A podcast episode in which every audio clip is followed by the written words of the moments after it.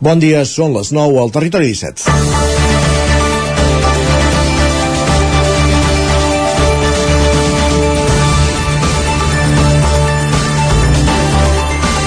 Dilluns luctuós a la comarca d'Osona després de la mort aquest cap de setmana del que va ser el primer rector de la Universitat de Vic i estudiós de Verdaguer, Ricard Torrents, de 86 anys, dissabte, i de l'empresari i exalcalde de Sant Bartomeu del Grau, Josep Puigneró, de 92 anys, ahir diumenge. Sens dubte, dues figures clau a la comarca d'Osona durant el passat segle XX quan dirigia el Col·legi Sant Miquel dels Sants, Ricard Torrents va ser un dels impulsors l'any 1977 de l'Escola de Mestres Universitària Jaume Balmes, l'embrió de la Universitat de Vic, reconeguda 20 anys més tard, i de la qual en fou el rector fundador. Nascut a Folgueroles, va ser també un personatge clau en la recuperació de la figura de Jacint Verdaguer. Josep Puigneró, per la seva banda, va fundar l'any 1956 amb el seu germà Rossent una empresa de filats amb dos talers que amb els anys esdevindria la tèxtil més gran de l'estat espanyol, arribant a tenir més de 2.000 treballadors i plantes a Sant Bartomeu, Roda, Prats i Andalusia. L'empresa va acabar immersa en un concurs de creditors i tots els actius van acabar de ser venuts o subestats l'any 2008. Amb una governança particular, Puigneró va ser també el primer empresari condemnat per un delicte ambiental a l'estat espanyol, després que se l'acusés de contaminar les rieres de la Tuta i el Sorreig. Per qüestions molt diferents, se'n van dues icones del segle XX a Osona.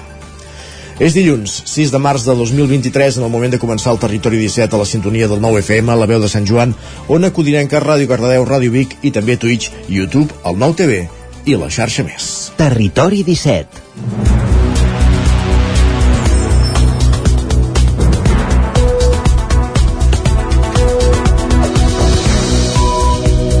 Pràcticament són dos els minuts que passen de les 9 del matí d'aquest dilluns 6 de març de 2023 en el moment de començar el Territori 17. El magazín de les comarques del Vallès Oriental, l'Osona, el Ripollès i el Moianès que us farà companyia durant dues hores des d'ara fins al punt de les 11 del matí.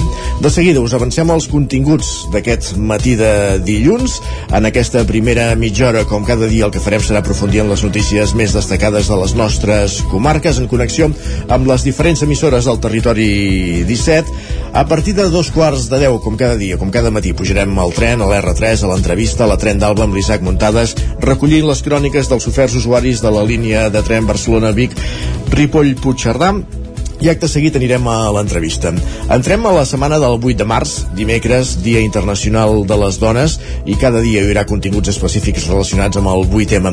Avui, per començar, a l'entrevista ens acompanyaran tres dones, tres Anes, concretament, Anna Campassol, de la Cambra d'Osona, Anna Guixà, del Consell Empresarial d'Osona, i Anna Esmerats, de Creacció, que són les coordinadores del programa FEMDEO, el projecte que ja fa 3 anys a l'entorn del 8 de març es porta a terme per visibilitzar el talent femení de les empreses d'Osona.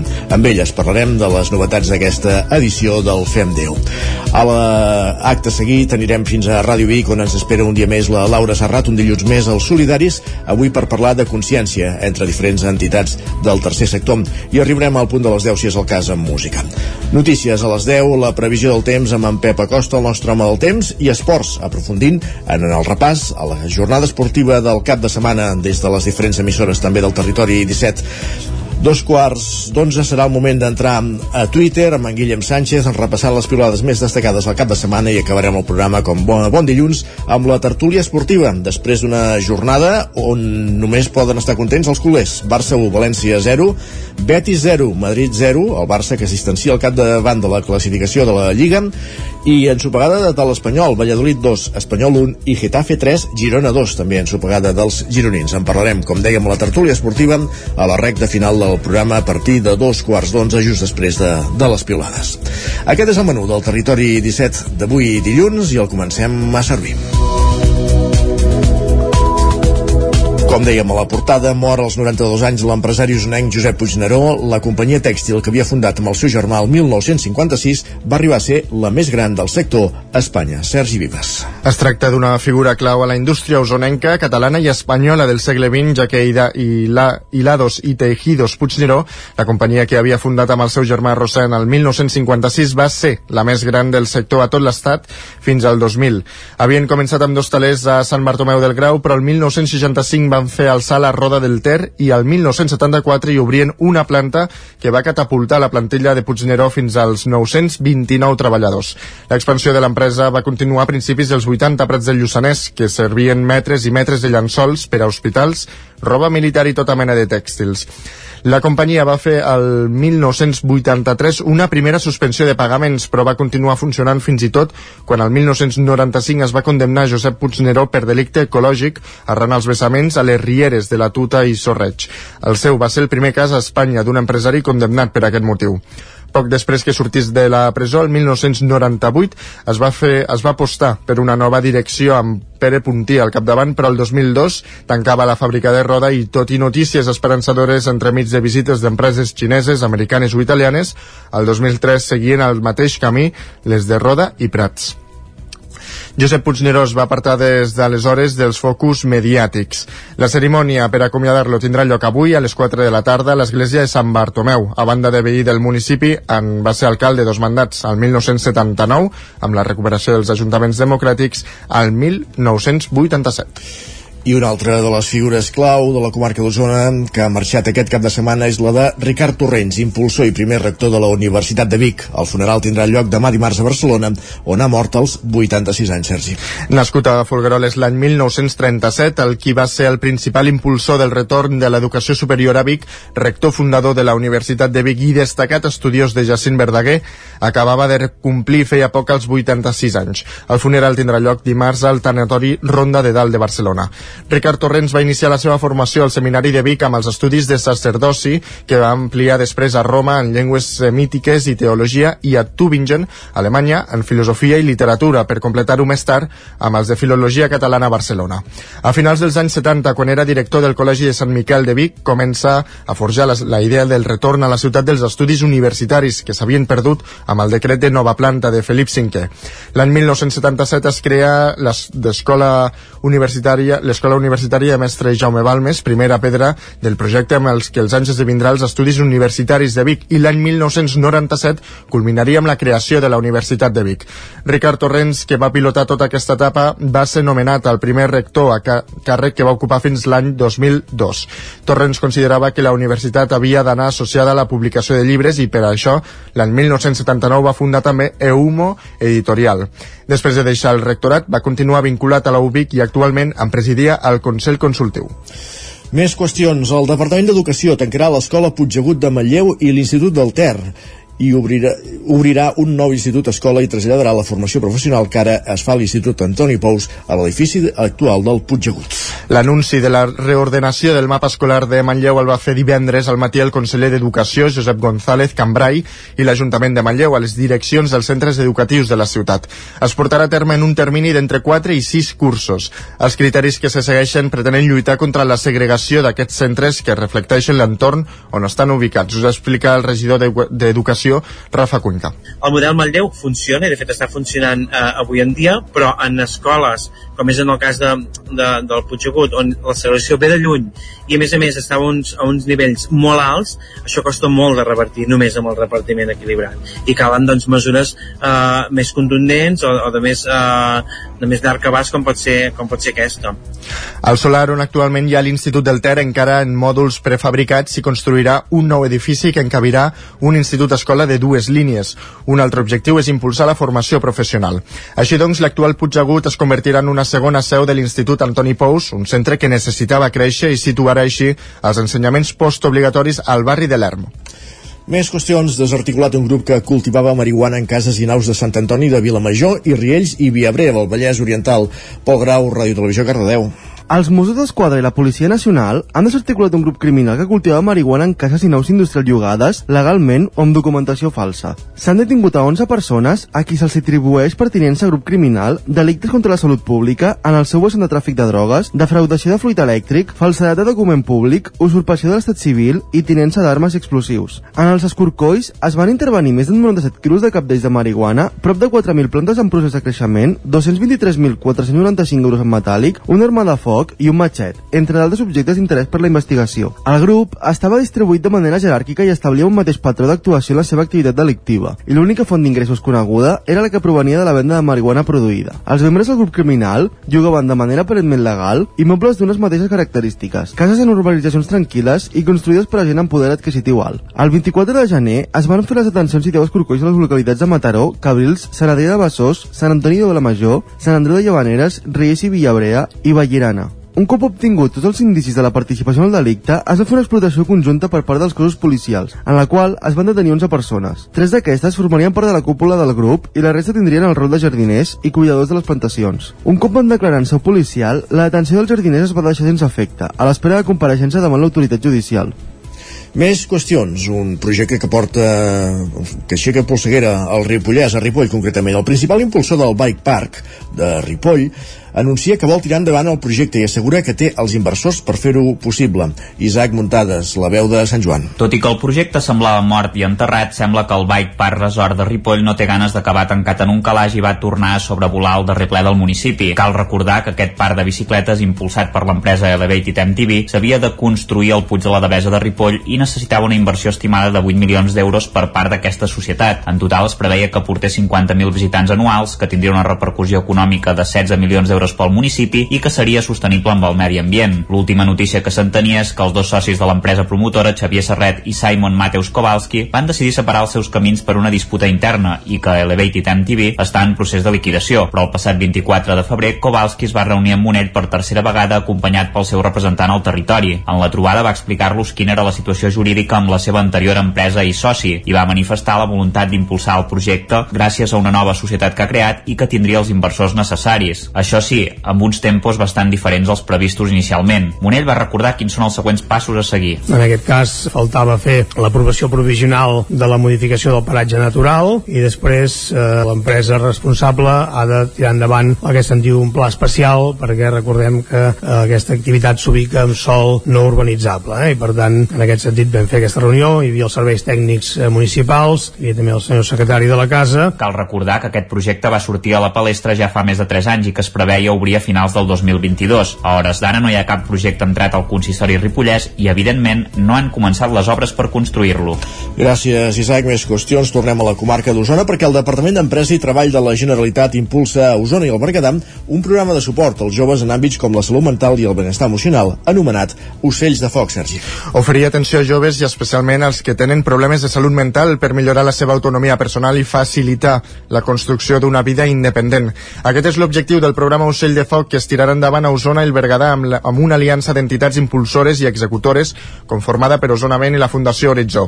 La previsió és atendre 2.000 joves en dos anys d'Osona i el Berguedà, el 15% dels quals amb, pro amb problemàtiques de salut mental, centrant-se en joves d'entre 16 i 30 anys. El programa vol posar el focus en l'àmbit preventiu, oferint acompanyament. El director general d'Economia Social, Josep Vidal, ha posat del, de relleu el fet que el programa s'impulsi des d'entitats del territori, ja que treballen en xarxa i que, ja, i que ja tenen contacte amb les persones joves. És un programa que no es mou en els paràmetres ordinaris de proveïdors de serveis o de gestors de programes, no?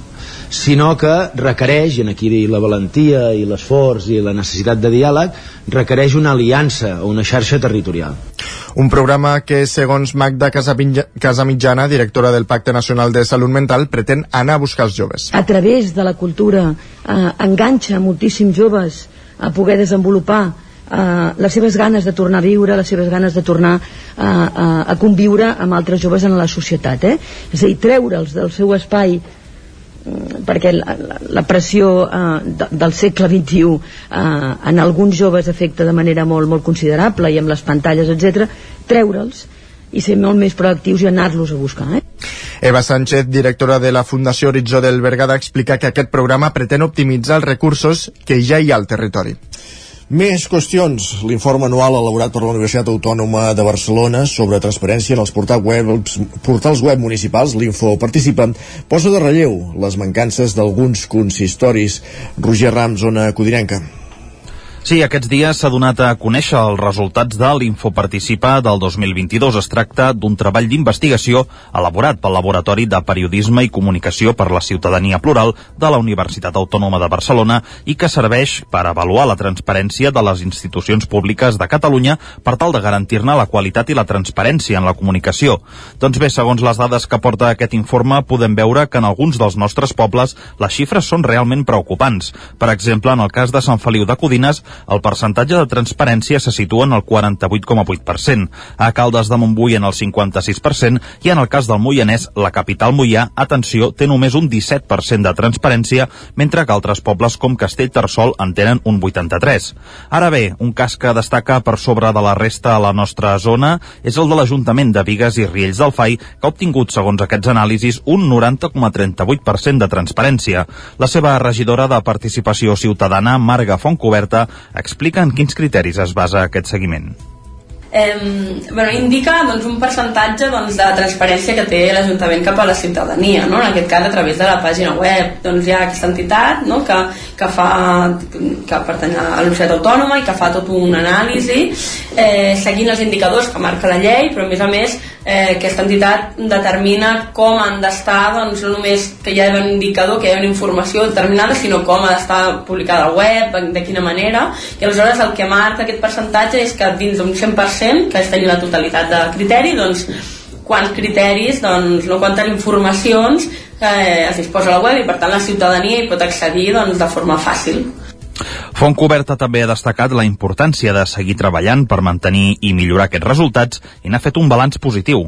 Ens estem molt, molt contentes en aquesta doncs, nova anàlisi de l'Infoparticipa doncs, hem aconseguit un 90,38% que és fruit de, doncs, de molt treball Eh, doncs l'anterior any teníem un 73%, però en realitat doncs, en dos anys hem, hem, bueno, hem, hem passat la vora del, del 50% i hem arribat doncs, a, a 90%. Bueno, creiem que era una obligació tenir, doncs, tenir la informació de, de transparència a la web, perquè sempre diem que la web ha de ser un mirall de l'acció municipal el projecte Info Participa, com deia, més impulsat des de la Universitat Autònoma de Barcelona i s'està elaborant des de l'any 2016. Gràcies, Roger. Acabem aquí aquest repàs informatiu que començàvem al punt de les 9 en companyia de Roger Rams, com ara sentíem, també de Sergi Vives, Isaac Muntades i Pol Grau. És moment, eh, al territori 17, d'afegir-hi un altre nom, el del nostre home del temps, els nostres ulls al cel, en Pep Acosta.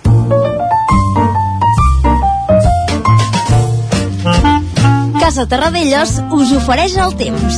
Un Pep Acosta que anem a cercar a una codinenca allà ens espera per explicar-nos com evolucionarà el temps avui i durant la setmana. Pep, benvinguts, bon dia, ja és dilluns. Hola, molt bon dia, per fer dilluns, per fi comença una nova setmana, la primera sencera ja d'aquest mes de març de l'any 2023 i ho fem pel que fa al temps amb unes temperatures més altes només glaça a la alta muntanya, a les parts més altes de, de les muntanyes del Pirineu. A la resta, una pujada significativa de les temperatures.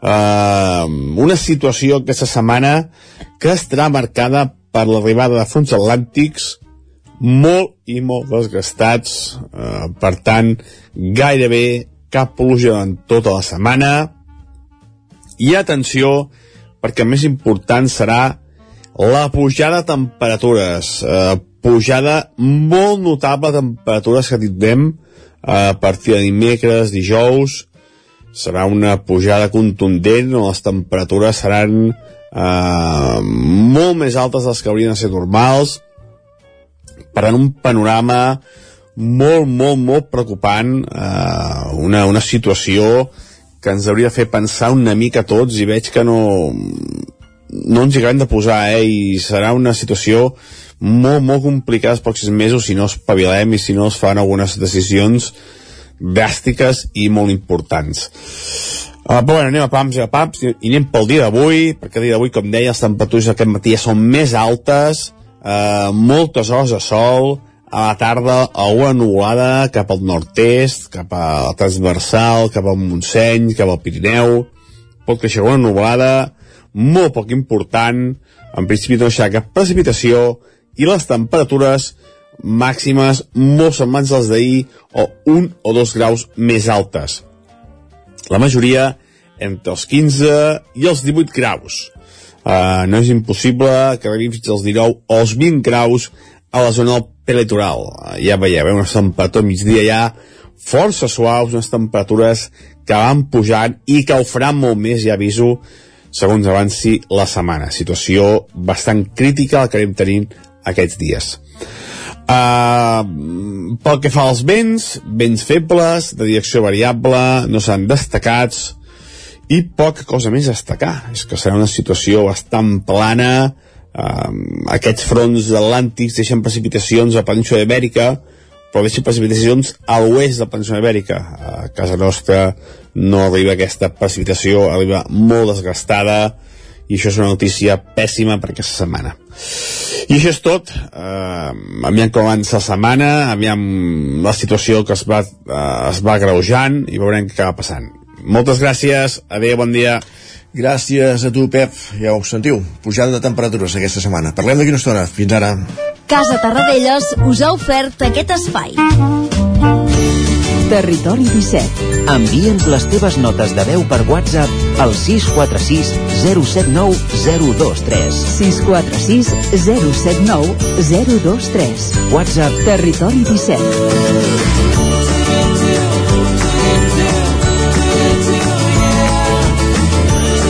Territori 17.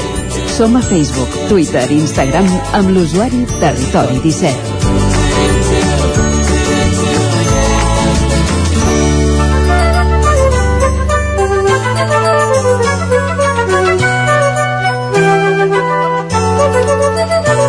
I és moment al territori 17 d'anar al quiosc. És moment de saber quines són les portades dels diaris del dia. Avui és dilluns, per tant, Sergi, el que fem com cada dilluns i cada divendres és començar per les portades del 9-9. Exactament, comencem pel 9-9 d'Osona el Ripollès. Uh, us avançàvem ara a l'informatiu encapçalen portada explicant que tancaran el Puig Agut de Manlleu i faran un nou institut escola a la ciutat. Aquest és el titular que ocupa uh, la part uh, superior del 9-9 i també aquí a la portada veiem a tres dones, la Pilar Godallol, l'Helena Crespi i la Maria Dolors Moles, reconegudes com a dones que inspiren pel, pel 9-9, amb aquest dia, no?, que coincidia als 45 anys del Bicentenari. Coincidint també amb el 8 de març i inaugurant aquest nou guardó que, que lliura el 9-9, que és el Premi a Dones Inspiradores, i que ha començat amb aquesta tripleta de noms que, que ara esmentaves i que ocupen bona part, presideixen, bàsicament, la portada de, de l'edició d'Osona i el Ripollès del 9-9. Efectivament. Més titulars. I també veiem en petit eh, aquestes sardanes contra la sequera del pantà de Sau, un pantà de Sau cada cop més buit. Uh -huh. i evidentment també es fa ressò de les morts com dèiem a l'inici de l'informatiu aquest cap de setmana de Ricard Torrents i Josep Puigneró anem a l'edició del Vallès Oriental doncs mira, ens expliquen que una motorista de Llinàs de 38 anys mor en un xoc frontal a la C35 a Fogars és el segon motorista del Vallès Oriental que perd la vida a la selva en una setmana també en, en el marc d'aquesta setmana de la dona doncs aquí diuen que dones eh, que manen en la salut, l'educació i la justícia són els tres sectors on les vallesanes comencen a trencar el sostre de vidre i també expliquen que un jutge anul·la la sanció de 300 euros a Antonio Murillas, veí de Granollers, per faltar al respecte a dos policies locals. Van aplicar-li la coneguda llei Mordassa. Anem a les portades dels diaris que s'editen a Barcelona. Per on comencem? Doncs comencem pel punt avui, que encapça la portada amb el titular Concerts a preus dinàmics. Expliquen que el mètode Ryanair ja s'aplica a la venda d'entrades de tota mena de concerts. Ep, això ens interessa. Vol dir més baratos o no? No. Ah. Aquí asseguren que el cost dels tiquets, un cop disponibles, pot variar en funció de l'oferta i la demanda. Per tant, és, és més allò del last minute, ja ho veig. Va, sí, sí, sí. Més qüestions. També diuen que un nou ciberatac posa en esclat la capacitat d'atenció del clínic un atac que ha afectat a les urgències i als serveis de laboratori i farmàcia. Per altra banda, posen en portada doncs, la victòria del Barça contra el València i aquest avantatge de 9 punts amb el Madrid, un tema que abordareu a la, a la tertúlia. Correcte, la tertúlia esportiva a partir de dos quarts doncs aquí al territori 17. Més titulars, més portades. El periòdico diu que les aliances esquerra i, i dreta decidiran el duel Sánchez-Feijó. Expliquen que el PP guanyaria les generals i només aconseguiria la majoria absoluta amb el suport de Vox. El PSOE, en canvi, es podria mantenir al govern amb el suport dels seus actuals socis. Uh, per altra banda, expliquen que l'ONU arriba a un acord fonamental per a la defensa dels oceans. Expliquen que fins ara no existia una jurisdicció clara per a les aigües situades a més de 200 milles marines de la costa. Uh -huh. La Vanguardia diu que el PSOE i Podem arribaran enfrontats al 8M per la llei del només sí és sí. Expliquen que els dos socis de govern central aniran al ple del Congrés sense haver negociat ni acordat res. I ara Pedro Sánchez s'ha tret de la màniga aquesta altra nova llei per buscar la paritat a les sí. llistes electorals i, i als consells d'administració, en càrrecs en espais de responsabilitat tant públics com privats. Sí, sí, ho comentarem amb alguna, amb, sí, amb alguna altra portada. Molt bé. També destaquen que la xarxa de ferrocarril d'Ucraïna resisteix, tot i els 12.000 atacs russos, i per altra banda diuen que 700 milions de l'ajuda als carburants se'ls van quedar les petrolieres. L'Ara diu que la Unió Europea ha pagat 53 milions d'euros a funcionaris que ja no hi treballen. Expliquen que més de 300 treballadors públics s'han beneficiat d'aquestes excedències des del 2015. Sí, copien allò del Parlament, vaja, aquests de la Unió Europea. També. Una mica. Els Mira, hàbits. Apunten que alguns excàrrecs d'organismes europeus cobren fins a 20.000 euros al mes per no fer res. Carai. Ah, en fi, el que hem de veure. Més qüestions. Anem cap a Madrid. El país diu que Espanya reclama als Estats Units que s'emportin les terres tòxiques de Palomares. Expliquen que el govern ha reactivat l'expedient de la neteja de la zona afectada pel sinistre nuclear de 1966 mentre expropia les 44 parcel·les amb plutoni. De 1966, eh? Que poca broma, sí. fa 55 anys d'això. Sí, sí, sí, sí. L'ABC diu que Sánchez aspira a conquistar les alcaldies de Barcelona i València. Expliquen que el PSOE afronta les eleccions del 28 de maig amb la vista posada a mantenir el botí municipal del 2019 amb 22 capitals de província, però dubta de la fidelitat dels seus socis.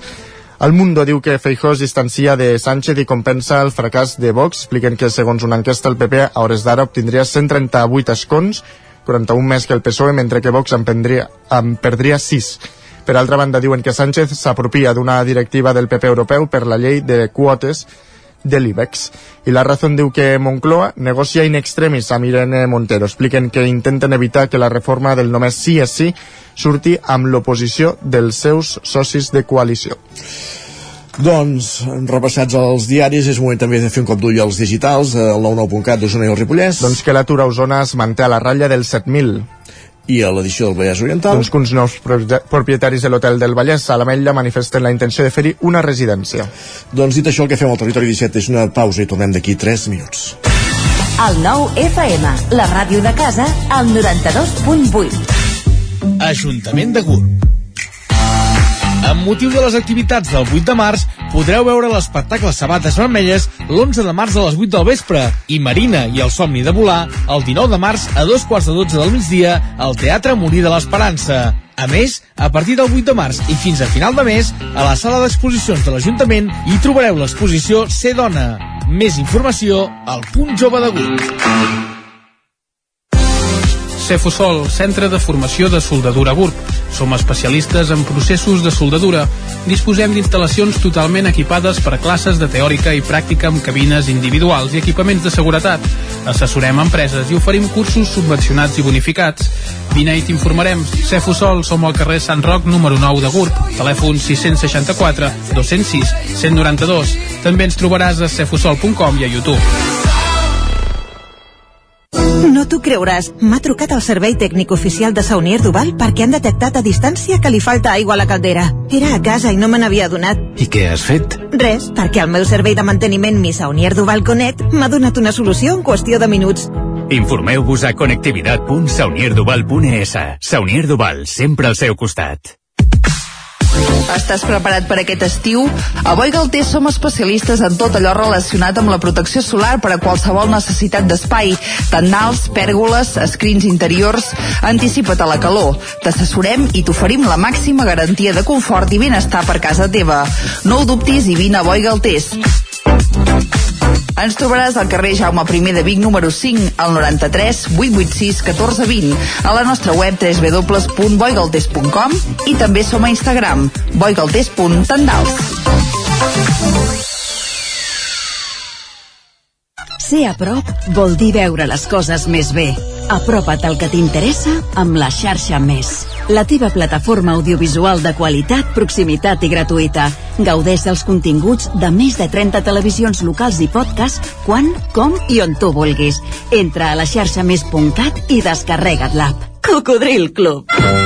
Si t'agrada la bona música dels anys 60, 70 i 80, escolta el 9 FM als matins de dissabtes i diumenges d'11 a 1. És el temps del Cocodril Club, tot un clàssic de la ràdio, amb les bases del pop-rock, les llegendes, les cançons que s'han convertit en autèntics himnes. Recorda, dissabtes i diumenges al matí, d'11 a 1, al 9 FM 92.8. Cocodril Club, el programa revival de l'Albert Malla. Hasta luego, cocodrilo.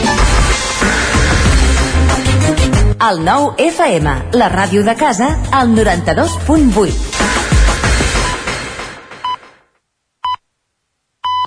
Territori 17.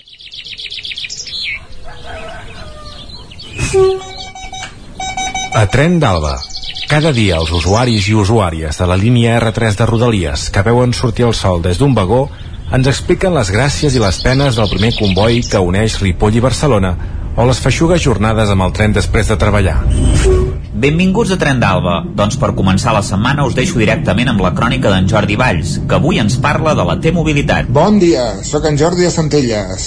Avui us parlaré de la meravellosa T-Mobilitat. Pels que freqüentem els trens, últimament surt un anunci de fer servir la T-Mobilitat, que és una targeta que no porta contacte, no és com aquestes per entrar i per sortir de les estacions que passes per la màquina si ho fiques a sobre. Coses guais de la T-Mobilitat, que en principi hauria de ser per quilòmetres, i així tenir una targeta per bellugar-nos en transport públic per tota Catalunya. Què és al final? En comptes de la targeta en paper, ho tenim um, digital, amb una targeteta així com de crèdit. Què està passant? Que a les estacions de tant en tant falla alguna màquina, que els autobusos, eh, clar, has de fitxar, marcar l'entrar i el sortir, perquè si no en principi et cobraria el màxim de trajecte. I realment és una mica embolic. Embolic també el que tenen com ha entrat això és amb les que són targetes integrades, les verdes. Jo en un mes em porto tres, perquè bàsicament les màquines de les estacions se les mengen, tenen gana, se les mengen, has d'esperar que te les treguin, has d'anar atenció al client, ensenyar el DNI que te la tornin a canviar. I em porto tres. Sort, a plaça Catalunya són força diligents i van de pressa, i un canvi el vaig intentar a Passeig de Gràcia. Abans d'agafar el tren, vaig agafar un tren a, a Passeig de Gràcia per anar a Sants, per esperar-me el de Puigcerdà, perquè si no, ja a Sants es dret, i va ser com un cristo haver d'explicar-ho. Realment, a plaça Catalunya es nota que és la trinxera. Et poden dir de tot, però són ràpids. Coses de les targetes, coses dels invents, aquesta super mobilitat, a veure com acaba. Els que porteu té jove ja ho sabeu, que ja no teniu opció a paper. Benvinguts al patiment, benvinguts al transport públic, benvinguts a Rodalies. Vinga, bona setmana, adeu-siau. Doncs ja ho sabeu, si heu tingut algun problema, aneu a l'estació de plaça de Catalunya si voleu fer algun tipus de reclamació perquè us la solucionin, perquè si no, doncs ho teniu ben pelut. És la trinxera, com ho anomenen Jordi, i a veure si aquestes màquines les posen a dieta perquè no mengin tant. Va, ens retrobem demà amb més històries del tren i de la R3. Territori 17, el 9 FM, la veu de Sant Joan, Ona Codinenca, Ràdio Cardedeu, Territori 17. Dos minuts i mig que passen de dos quarts de deu, parlem del programa Fem DO a l'entrevista.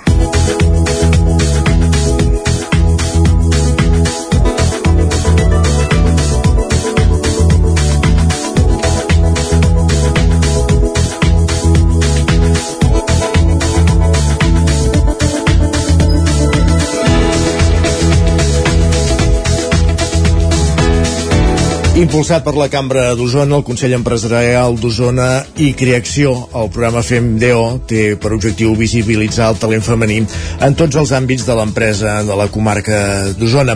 Un programa que cristal·litza cada any a l'entorn de, del 8 de març i per parlar d'aquesta edició ens acompanyen les seves tres coordinadores, que són representants de cadascuna d'aquestes tres entitats que hem anomenat. Anna Esmerats, de Creacció, Anna Guixà, de la Cambra de Comerç, i Anna Campassol, de... Ah, Anna Guixà, perdó, del Consell Empresarial d'Osona, i Anna Campassol, de la Cambra de Comerç. Totes tres ja les tenim aquí i les podem saludar tot seguit. Benvingudes, bon dia a totes tres. Bon dia. Bon dia. Dèiem això, que, un de, que el principal objectiu del programa FEMDO, que ja va cristal·litzant en els darrers 8 de març, ara parlarem d'aquesta edició, d'aquest 2023, però que el principal objectiu és visibilitzar el talent femení en tots els àmbits de, de l'empresa d'Osona. Eh, D'on surt la, la iniciativa i el fet aquest, no sé si dir-ne insòlid, no? però que el fet que tres organitzacions empresarials o d'emprenedoria us poseu d'acord per tirar endavant aquest programa? Jo crec que la necessitat va sortir de les tres entitats, al final doncs de que um, el 8 de març era molt conegut, les tres entitats d'una manera o d'una altra um, organitzàvem coses i al final vam dir la comarca és gran o petita però al final som de la mateixa comarca no? i per tant doncs sumem sinergies i així va sorgir i la veritat és que la bona entesa amb les tres entitats ha fet que això doncs, eh, tingui el seu recorregut i aquest any puguem celebrar doncs, la tercera edició perquè la qüestió és que aquest talent femení hi és i el que fa falta és que cristal·litzi és una mica aquesta la idea el que fa falta és visibilitzar-lo no? justament de fet, um, aquest any el focus el posem en el lideratge i en el lideratge en el que anomenem el lideratge en clau femenina, que no té res a veure amb el gènere, no? sinó amb aquestes capacitats que doncs, per diferents motius han estat atribuïdes al, a les dones no? durant tot aquest temps Quines són aquestes capacitats més atribuïdes a les dones i que s'han de reivindicar també a, l'empresa? Bé, doncs, per exemple, doncs, uh, podria ser no, la promoció de la cura no, dels empleats, uh, per exemple, no només amb la productivitat, sinó també amb la flexibilitat horària, la conciliació laboral, uh, beneficis més enllà de, del sou, no? També fomentar aquest networking, aquesta col·laboració, aquesta empatia, no? que, que genera aquesta xarxa i aquesta col·laboració i tota la part de dimensió com més emocional, no, no tant la política del fer, no? sinó del ser no? i de, de les persones i d'orientat a les persones uh -huh.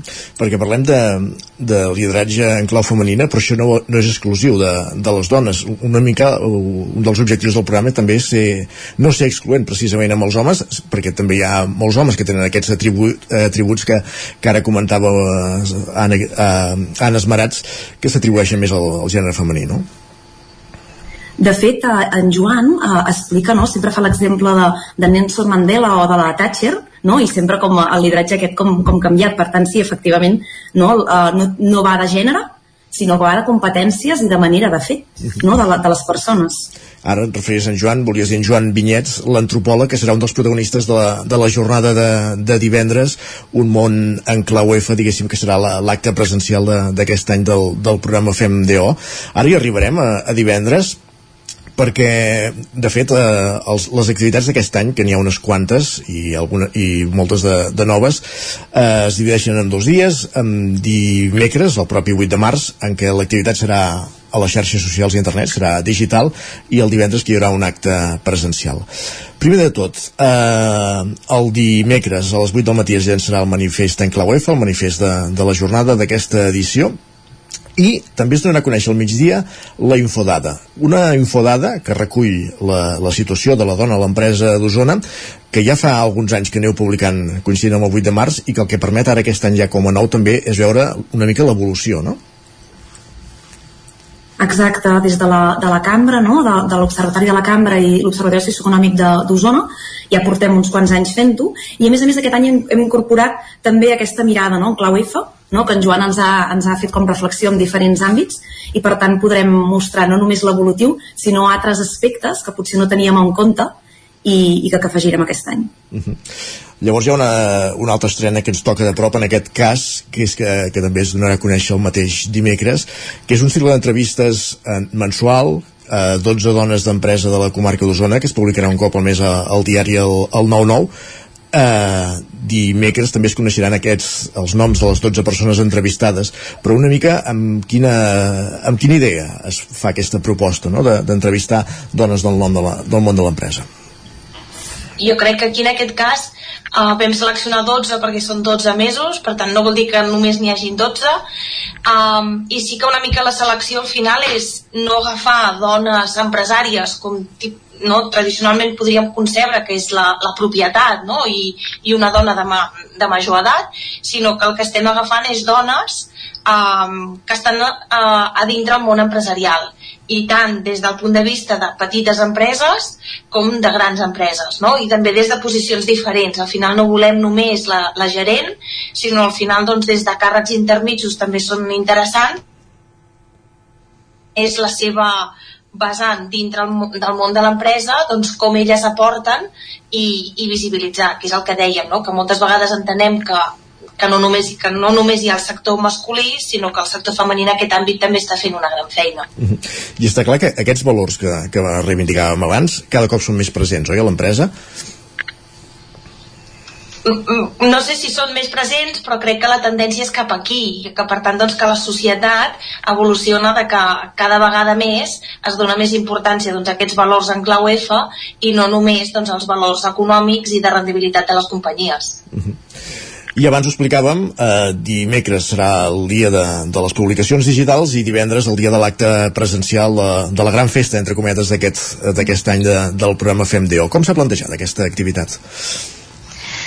Doncs el divendres, com bé dius, és l'acte la, la, central, perquè és el que fem presencial. L'any passat ja vàrem tenir eh, 50 participants i cal dir que el 95% eren dones. Per tant, el repte que tenim aquest any eh, és que eh, enguany hi participin els dos sexes, tant homes com dones, no? perquè pensem que per millorar i per créixer en aquest àmbit ho hem de fer conjuntament. Aleshores, el, la primera part, com que el focus d'aquest any és el lideratge en clau F, tindrem una tertúlia amb en, com bé dèiem, amb en Joan i eh, que ens acompanyarà la Montse Iats. Eh, tot el que és el fil conductor eh, comptarem amb la Mònica Jofa, la cap de comunicació de Sant Tomàs, que també ha volgut participar i que està molt sensibilitzada amb, amb el món eh, de la feminització.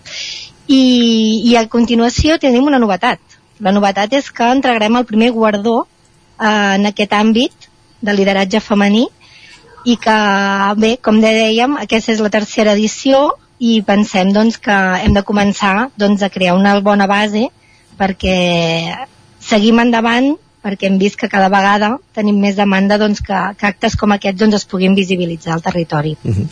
Ara, ara Anna, es, es, esmentaves aquest fet, el fet del guardó, eh, la, el primer lliurament d'un guardó eh, en clau F eh, per, en reconeixement al talent femení Uh, evidentment no podem ser, saber el nom perquè el nom es farà públic divendres però sí que pel que sabem és una persona que compleix una mica tots els requisits no? que, que reivindicàvem la jornada Correcte, justament doncs, que demostra aquesta preocupació pels equips no? i per les perso persones que formen els seus equips, que, que es posa sempre en el lloc de l'altre i que busca la igualtat i la conciliació familiar. Uh -huh com dèiem, estem parlant d'aquest programa, el FEM DEO, impulsat des de la Cambra d'Osona, el Consell Empresarial d'Osona, Crea Acció.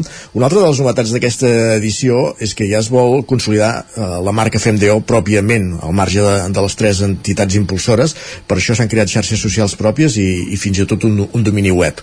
Què anirem trobant al llarg de l'any en aquests continguts digitals? Jo penso que al final la idea és de que aquesta xarxa que generem arran del 8M i que ja l'hem emplaçat doncs, el 8M i el 10M eh, tingui una continuïtat al llarg de tot l'any.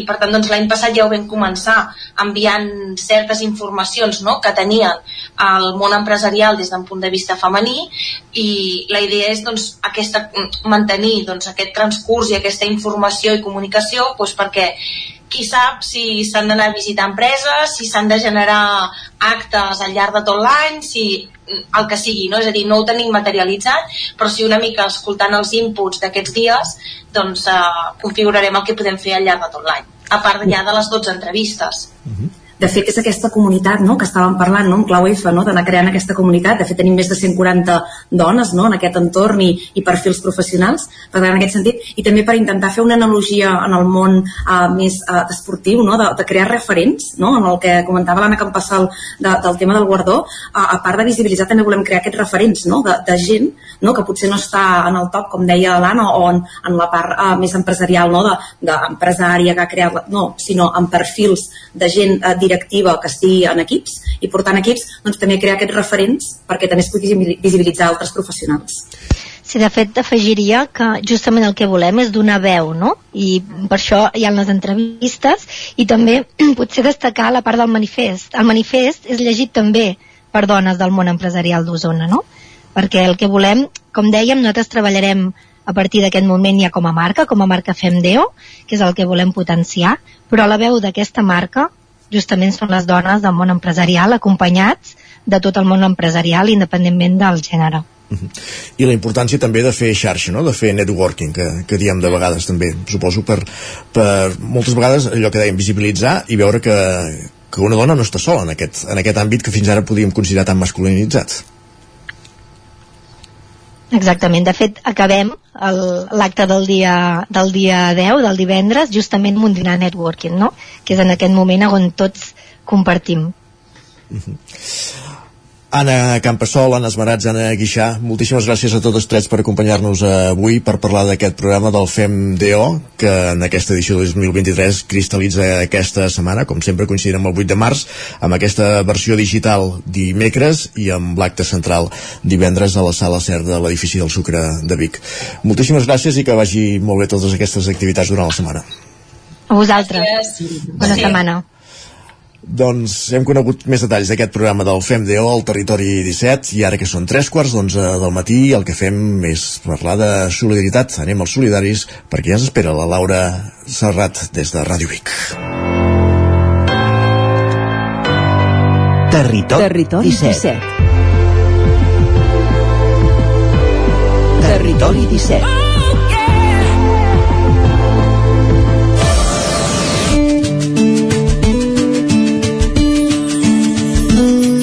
Els Solidaris, l'espai que cada setmana aprofundeix en conèixer detalls de les entitats que treballen pels altres, pels més desafavorits, les entitats del tercer sector de les nostres comarques. Ja sabeu que de tant en tant fem reportatges o entrevistes a algunes d'aquestes entitats i, i de tant en tant, periòdicament, el que fem és aprofundir en aspectes que han tractat en aquestes entrevistes per fer monogràfics com el que avui dediquem a la consciència.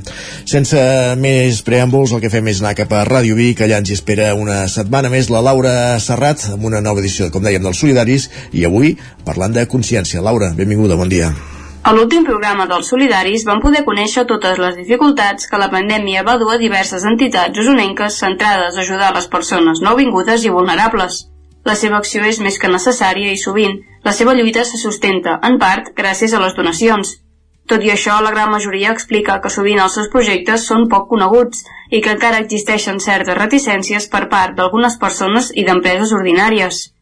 Avui, des de Ràdio Vic i a través de l'antena del Territori 17, conversem de nou amb el Tupí, la Fundació Impulsa, l'Associació Tapís, la Fundació Trueta i l'Associació Carama sobre la consciència social de la seva acció a Osona.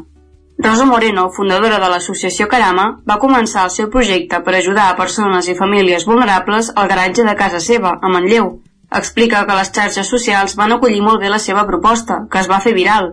Tot i això, considera que no hi ha prou consciència de tota la feina que fan en el conjunt de la comarca. És més, explica que sovint reben comentaris a les xarxes socials en què els increpen que ajudin els col·lectius vulnerables. Mucha gente te da las gracias, admiran la labor que hacemos, pero nos encontramos, bueno, mira, yo por ejemplo tengo muchísimos seguidores en TikTok, ¿vale? Y cuando cuelgo los vídeos siempre está la típica persona que te dicen, pero es que primero los españoles, primero los españoles. Claro, es lo que yo les digo, yo os invito a que vengáis a la asociación porque ayudamos a todo el mundo. Lo que pasa que sí que es más complicado una persona que no tiene papeles a una persona que ya está aquí, quizás. Y yo lo que me encuentro también es que hay muchos españoles que les da como vergüenza venir, venir a pedirte ayudas. Hay mucha gente que ya se ha atrevido a hacerlo, que me ha dicho, oye Rosa, mira mi situación, porque evidentemente no le damos a cualquiera. Confirmamos en este caso nosotros pedimos, si tienen papeles, pedimos lo que es extractos del, del, banco, a ver cuánto cobran, pedimos lo que es empadronamiento, igual que si no tienen papeles, pedimos pasaporte, empadronamiento, si reciben alguna ayuda, o sea que, que no se da por dar. Moreno se sent satisfeta d'haver pogut canviar el punt de vista de moltes d'aquestes veus reticents. Explica que la seva acció, en més d'una ocasió, ha aconseguit un canvi de pensament en alguns voluntaris. Yo me siento satisfecha de que estoy consiguiendo cambiar la mentalidad de muchas personas. Porque me han venido voluntarias, de hecho el otro día lo corté en TikTok, tengo una voluntaria que ella se consideraba racista. Totalmente. Y el otro día ella lo decía en un vídeo, dice, es que he visto que no, o sea, yo me consideraba racista y al raíz de estar aquí y ver las situaciones de las personas, y lo que te cuentan y lo que ves y cómo te lo agradecen, la mujer ha dejado totalmente de pensar como pensaba antes. Lo dice, es que me arrepiento de cómo pensaba antes y no ponerme los zapatos de las personas, sea de la nacionalidad que sea, porque nunca sabes. Tendemos a poner etiquetas, tendemos a tachar. Eres de tal país, ah, pues tú eres así. Tú eres de aquí, pues tú eres así. Y no, cada persona es diferente, ni todas las personas son buenas, ni todas las personas son malas. Entonces, en ese sentido sí que me siento satisfecha. Núria Casamitjana, fundadora del Tupí, assegura que possiblement no hi ha prou consciència de la feina que es fa per a totes aquestes persones vulnerables, perquè si no es viu, no se n'és conscient. Possiblement que no, perquè hi ha coses d'aquestes, moltes, que si no es diuen, no s'entenen, o no se saben, o s'ignoren, o s'entenen al revés. Jo veig que aquí, quan venen voluntaris, llavors al cap d'una setmana dues et diuen mare, jo no pensava pas que això fos així. I, i penses que doncs hi ha moltes maneres de detallisme, et sembla?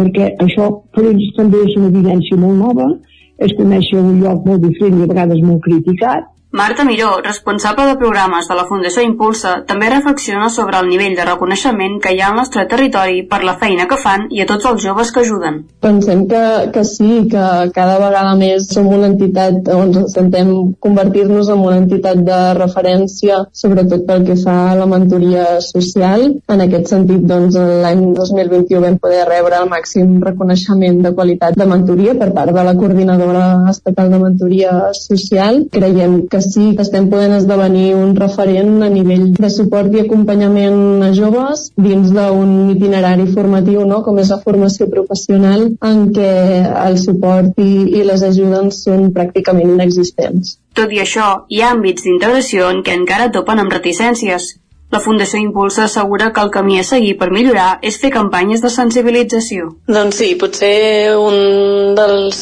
àmbits no, en els quals encara trobem certes dificultats i que sovint ens cal treballar, en aquest cas amb les joves migrants, és el dilema no, que el genera el fet de portar mocador o no quan van a fer una entrevista de feina o en el moment d'elaboració no, del seu currículum per l'impacte que això pugui encara tenir en les seves possibilitats reals de poder acabar aconseguint o no un, un lloc de treball. Pensem que una part molt important és fer una feina no? molt gran de sensibilització, de formació i de coneixement, perquè és això no? el que generarà que puguem anar fent gota d'oli i que això doncs, pugui permetre la més implicació no?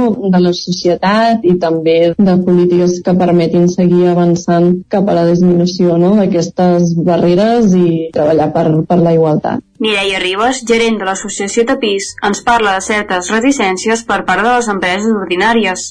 Lamenta que en més d'una ocasió no acudeixin a les empreses d'inserció quan han de cobrir una vacant de feina que d'alguna manera les empreses ordinàries apostessin també per, per inserir persones de l'empresa d'inserció, no? D'alguna manera que quan tinguin una oferta de feina, doncs també ens vingui a picar a la porta de l'empresa d'inserció i ens diguin, Tapís, tenim algun perfil que compleixi no? aquesta candidatura, aquesta, aquesta oferta de feina, o ens la facin arribar, igual que també quan tenim a Tapís una oferta, la socialitzem, no? També d'alguna manera amb, amb diferents agents que poden també detectar persones que puguin complir els requisits que perquè una oferta de feina, doncs que també pugui ser així, no? Que les empreses ordinàries, quan tinguin aquestes ofertes, també puguin arribar a les empreses d'inserció que també puguin optar-hi no, a, a aquestes ofertes, que es tinguin en compte que també doncs això, són persones que venen preparades per una empresa d'inserció, són persones que, està, que són vàlides, òbviament una persona que està formada des de la secció de neteja, per exemple, doncs clar, sempre fem l'educador social de l'empresa, doncs sempre busca ofertes de feina que siguin vinculades amb temes de neteja, que al final és el que Tapís l'ha format i l'ha preparat, no? a part de tota la part més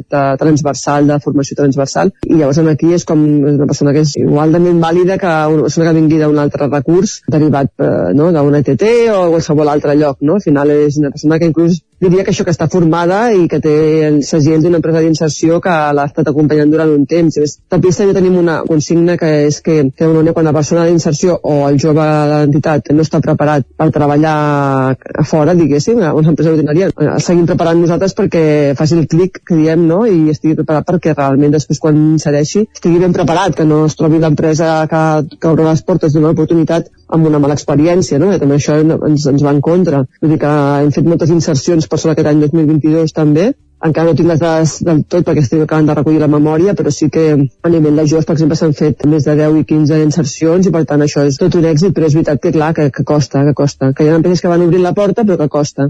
Ribas considera que, tot i això, de consciència social a Osona en tenim. Aquest reconeixement es fa més i més necessari a mesura que augmenten les dificultats pels col·lectius que tenen. Jo crec que sí, eh? Consciència n'hi ha. O sigui, a nivell de ciutadania i així, jo crec que ens reconeixen, no? Jo crec que aquí comarca d'Osona, ja fa uns quants anys que estic per aquí, jo vinc de la comarca de, del Maresme i, i no coneixia tant l'entramat social i, i aquí a comarca d'Osona el que sí que tenim les entitats socials és que treballem molt en xarxa i que fan una bona feina i que això se'ns se reconeix. Se'ns podria reconèixer més a vegades a, a nivell d'administracions, però és veritat que a nivell de ciutadania sí que hi ha una consciència de que existim i que estem fent aquesta feina d'acompanyar, de donar oportunitats i així. Jo, jo crec que sí que existe la consciència. Jo crec que sí. La directora de la Fundació Trueta, Núria Comarriu, per contra, assegura que per part de les empreses que han fet ús dels seus serveis mai han tingut cap reticència, precisament perquè moltes vegades treballen estretament amb aquelles que tenen un compromís social. No, perquè jo crec que totes les empreses que contacten amb nosaltres o quan anem a veure una empresa, això són empreses que tenen una responsabilitat social no, que ja els fa ser més, més oberts en tot aquest tema. No? Llavors treballaran un primer cop amb nosaltres i si no ho fessin bé doncs és evidentment que canviaran d'empresa. Però per sort totes les empreses repeteixen perquè fem una feina, jo crec que diria que la fem impecable i la fem molt ben feta i per tant de moment per ara no hem tingut mai cap reticència d'empreses que ens diguessin que no per haver fet la feina mal feta o per treballar amb el col·lectiu que estem treballant. No, amb això no hem tingut problemes. Trueta ha recuperat l'ajuda fora de les nostres fronteres i ara per ara tenen dos projectes de salut a l'estranger. Tot i l'abast dels seus serveis, Comarriu considera que els seus projectes no són massa coneguts. Jo crec que són poc coneguts vale? i que la gent encara no, no sap exactament què és el que estem fent. Val? Llavors tenim un problema comunicatiu que entenem que és nostre, de, de poder-nos obrir més a la societat i de donar-nos a conèixer. No crec que si féssim una enquesta i diguéssim què està fent la Fundació Trueta es conegués el que estem fent actualment. No? Sí que la Fundació Trueta va ser molt coneguda quan portàvem a terme tots els projectes de cooperació al Tercer Món, però ara actualment que hem canviat o hem, hem redirigit el nostre àmbit de treball treball no, no és tan conegut. Es fa patent que entitats com aquestes, i sobretot els seus projectes en marxa, són menys coneguts del que voldrien. Totes coincideixen en afirmar que el seu objectiu és arribar al màxim de persones possible i donar a conèixer la lluita quotidiana de les persones nouvingudes i vulnerables. Les entitats que tenen programes d'inserció laboral actius també remarquen que és important conscienciar la societat per rebre tota la col·laboració possible, però que també és essencial convèncer les empreses ordinàries i establir nous lligams. Esperem que ben aviat la seva acció social, tan i tan important, tingui la veu que es mereix. La conscienciació social, sempre tan important. Gràcies, Laura, una setmana més.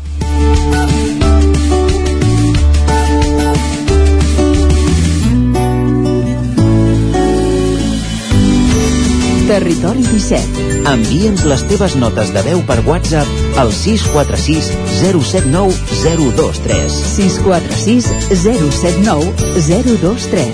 WhatsApp Territori 17.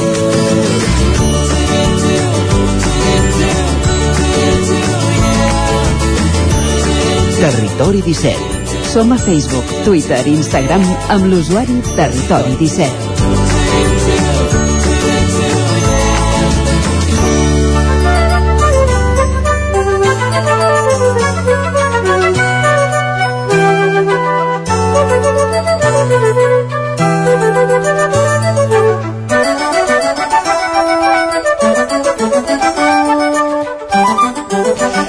I arribem al punt de les 10 al territori 17 amb música. Avui amb música d'un músic sabadellenc, Bernat, Bernat amb B baixa en aquest cas, que presenta un nou treball discogràfic. De fet, el que presenta aquesta setmana és uh, un nou single que és l'avançament del seu nou treball discogràfic, un single, No em tallis les ales, que en el que l'acompanya ni més ni menys que la Meritxell Nederman.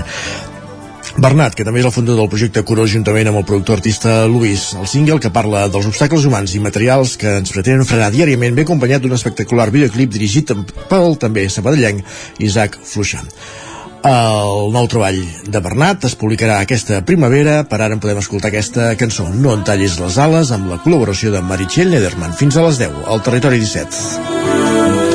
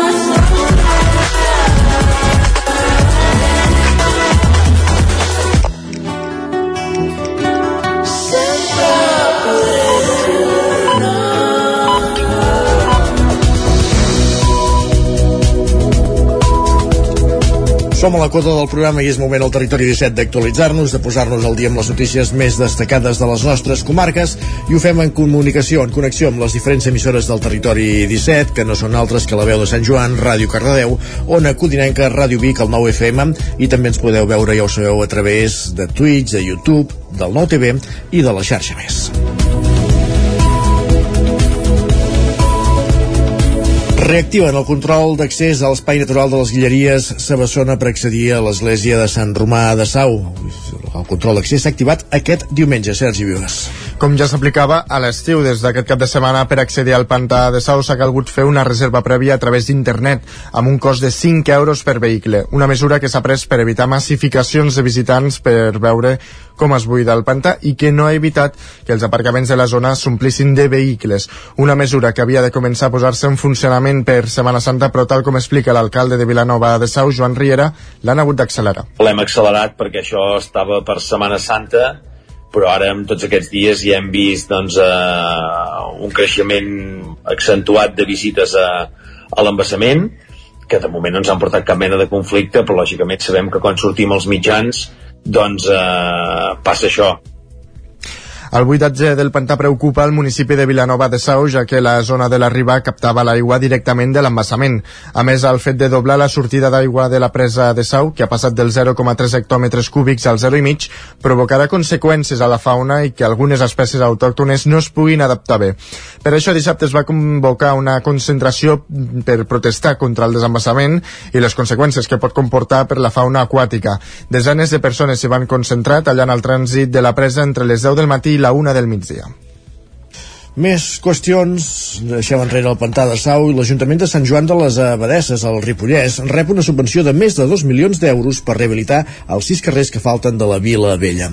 Isaac Muntades, la veu de Sant Joan. L'Ajuntament de Sant Joan de les Abadeses està d'enhorabona després d'haver rebut una subvenció de 2,04 milions d'euros per un projecte global per a la millora de la mobilitat sostenible i l'accessibilitat universal, el qual permetrà arreglar tots els carrers de la Vila Vella que faltaven. Aquesta ajuda a projectes singulars prové del programa d'ús 5.000 i està enmarcada en el programa de regeneració i reto demogràfico del Plan de Recuperació, Transformació i Resiliència, finançat amb fons Next Generation de la Unió Europea. Segons l'alcalde Ramon Roquer, està previst que la resolució definitiva de la subvenció arribi en les pròximes setmanes i va detallar quins són els terminis a tenir en compte. L'Ajuntament tindrà dos anys justos per executar totes les inversions planificades en aquest programa del DUS 5.000. Nosaltres, de fet, ja hem començat a treballar amb l'actuació concreta de la Vila Vella, perquè nosaltres ja havíem redactat el projecte per acabar tots els carrers de la Vila Vella. Per tant, a dia d'avui només hem d'actualitzar aquest projecte i ja procedir a la licitació.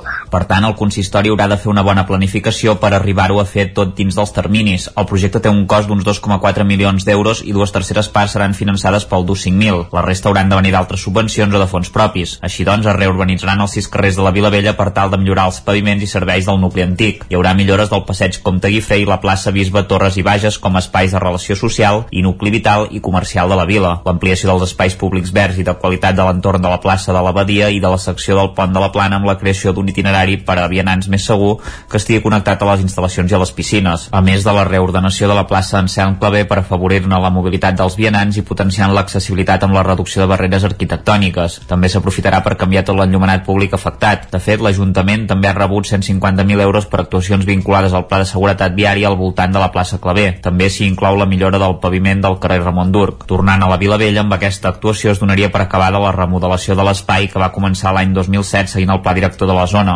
L'alcalde deia que caldria continuar treballant per rehabilitar finques de la Vila Vella perquè les ocupin famílies.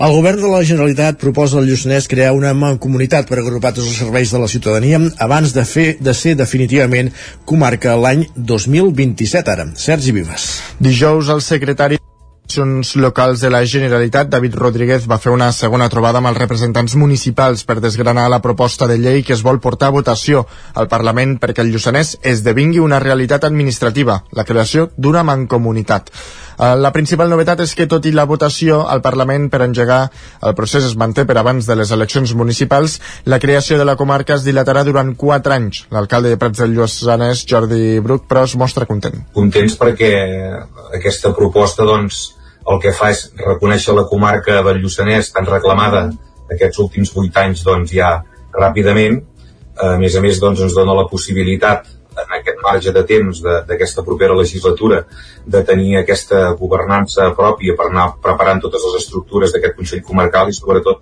que dona temps doncs, als municipis del no doncs, per repensar-se durant un, un període de temps per si volen ser-hi o no volen ser-hi i veure com això pot acabar funcionant. La Mancomunitat seria un òrgan transitori que es crearia abans del 31 de desembre d'aquest any. Aquest escenari donaria marge a la Generalitat de treballar la nova llei de governs locals. En un primer moment es comptaria amb els 13 municipis que van prendre part a la consulta popular, però que però ja eh, han sortit les primeres discrepàncies a la proposta. La setmana passada, per exemple, Santa Maria de Merles va aprovar en un ple extraordinari quedar-se el Berguedà. A Osona hauran de decidir si prenen aquest mateix camí Sant Bartomeu del Grau, Sant Boi del Lluçanès i Sant Agustí Agustí del Lluçanès, municipis que en la consulta del juliol del 2015 hi va guanyar el no. I l'Ajuntament d'Olors va emetre un comunicat aquest dijous abans de la reunió demanant no preme l'accelerador i obrir un debat a fons. En parla el president del consistori del Lluçanès, Marc Sucarrats. Amb diferents matisos de cada municipi per com ha de gestionar cadascú els seus resultats, una mica és el que demanàvem de, de fer una transició, de fer una comarca diferent, adaptar al territori i ara doncs tindrem tota una legislatura per fer-ho. Però més que tot el problema estava era com gestionar el Consell Comarcal. I el que hem demanat sempre aquí, i amb això hi ha un consens molt ampli, era de fer un, un Consell Comarcal diferent, adaptat al territori, àgil, la Mancomunitat rebria una dotació econòmica directa del govern per executar projectes i gestionar el dia a dia. Ho dèiem, demà passat és 8 de març, Dia Internacional de les Dones, i també ja s'estan organitzant les quartes jornades feministes a Cardedeu. Pol Grau, Ràdio Televisió Cardedeu. Escalfamutes pel 8 de març, Dia Internacional de la Dona, a Cardedeu que cap de setmana ha tingut lloc les novenes jornades feministes. S'han encetat el divendres amb un taller de sexualitat a càrrec de Mandràgores, cooperativa que va néixer el 2016, generant una dinàmica a partir de cartes de Dixit han compartit experiències entre els presents.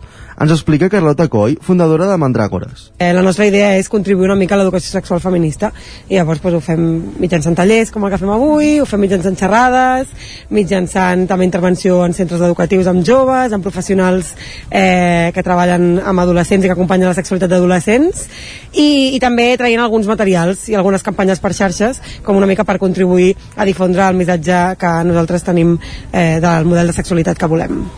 Dissabte, a dos quarts d'onze, han continuat les jornades, fent un repàs històric del moviment feminista Cardedeu, mencionant antigues associacions com a Donat, que va ser pioner en el feminisme al poble. S'ha iniciat amb una trobada amb diversos col·lectius feministes locals, posant idees en comú i plantejant reptes futurs.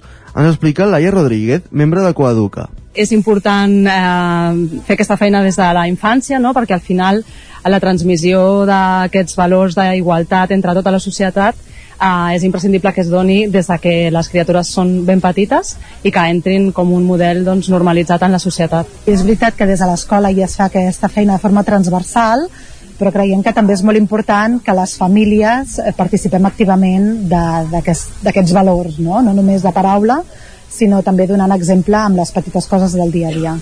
Les jornades han continuat amb un vermut popular al migdia i com a cluenda una ponència a càrrec de la investigadora Ozgur Gunes plantejant la identitat de gènere des d'una perspectiva de classe. Gràcies, Pol. Més qüestions. L'atur registrat continua situat a Osona a la línia dels 7.000 desocupats.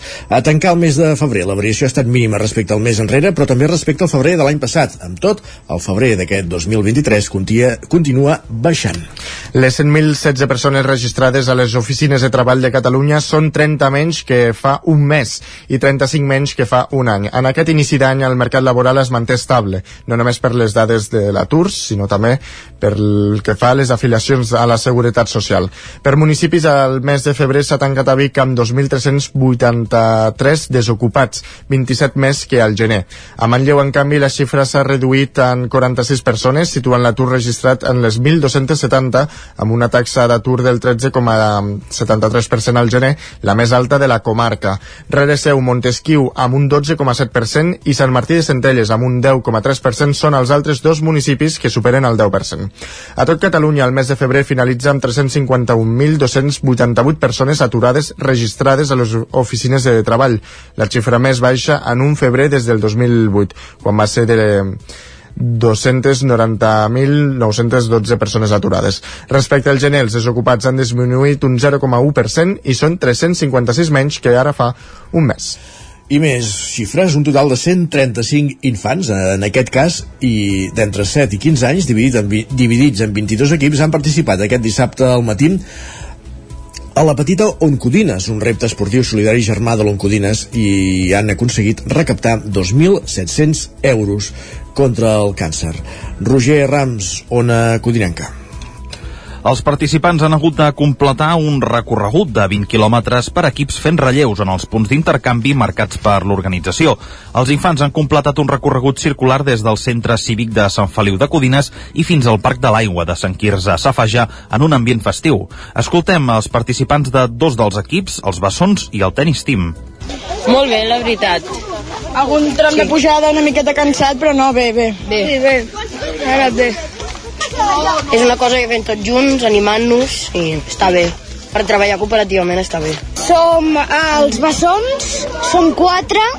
I ens està anant molt bé aquesta experiència. Està anant bastant bé. Ens agrada molt. Ens agrada molt i, bueno, ara anem primers, els hi portem un minut al segon equip i jo crec que anem bastant bé. Però no és una competició, ho sabeu, o no? No, sí, sí, ja ho sabem que és una competició. No és guanyem competició. Ja. Però trenquem la cinta, es trenca la cinta. Un dels moments més emotius de la jornada va estar l'arribada al centre cívic d'un equip de la Fundació d'Oncologia Infantil Enriqueta Vilavecchia, que va completar el tram adaptat de la prova del Mas Badó a Pinars del Badó. Els infants hi van poder participar gràcies a la complicitat de l'entitat Rodamunts, que els va portar pel bosc amb cadires de rodes adaptades. Escoltem Thais Mirachian de la Fundació Enriqueta Vilavecchia i en Lucero, un dels infants participants. Eh, gratament sorpresos perquè l'organització ha sigut excel·lent, les famílies estan encantades, els nens s'ho han passat de meravella, eh, el tram que hem fet ha, ha estat molt, molt fàcil per ells, entenent les seves circumstàncies, i la veritat que molt contents i molt agraïts per, perquè hagueu fet això en benefici de la Fundació, la veritat. Muy bonita. Ah, ¿Qué es lo que has hecho? Ah, la caminata desde la montaña, caminando y en cadena. Cada una de les arribades dels equips va estar molt celebrada i emotiva després de creuar la catifa vermella. Els equips rebien les medalles i omplien amb sorra un termòmetre que indicava la quantitat de diners recaptats. Martí Bustamante explica com els ha aconseguit el seu equip. Som el Tenis Team i nosaltres vam estar venent xutxes pel carrer i vam arribar a aconseguir com, 200. 280 euros. A diferència de l'Oncodines adulta, la petita, els participants no han de fer una aportació mínima. El donatiu se sumarà a la recaptació de l'Oncodines Trail, que tindrà lloc el 15 d'abril, i anirà en benefici d'Onco Vallès, la Fundació Enriqueta Vilavecchia i el BBHI de l'Institut Cutban. Gràcies, Roger. Acabem aquí aquest repàs informatiu que començàvem al punt de les 10 amb en Roger Rams, l'Isaac Muntades, en Pol Grau i en Sergi Vives. Moment al territori 17 de saludar de nou en Pep Acosta.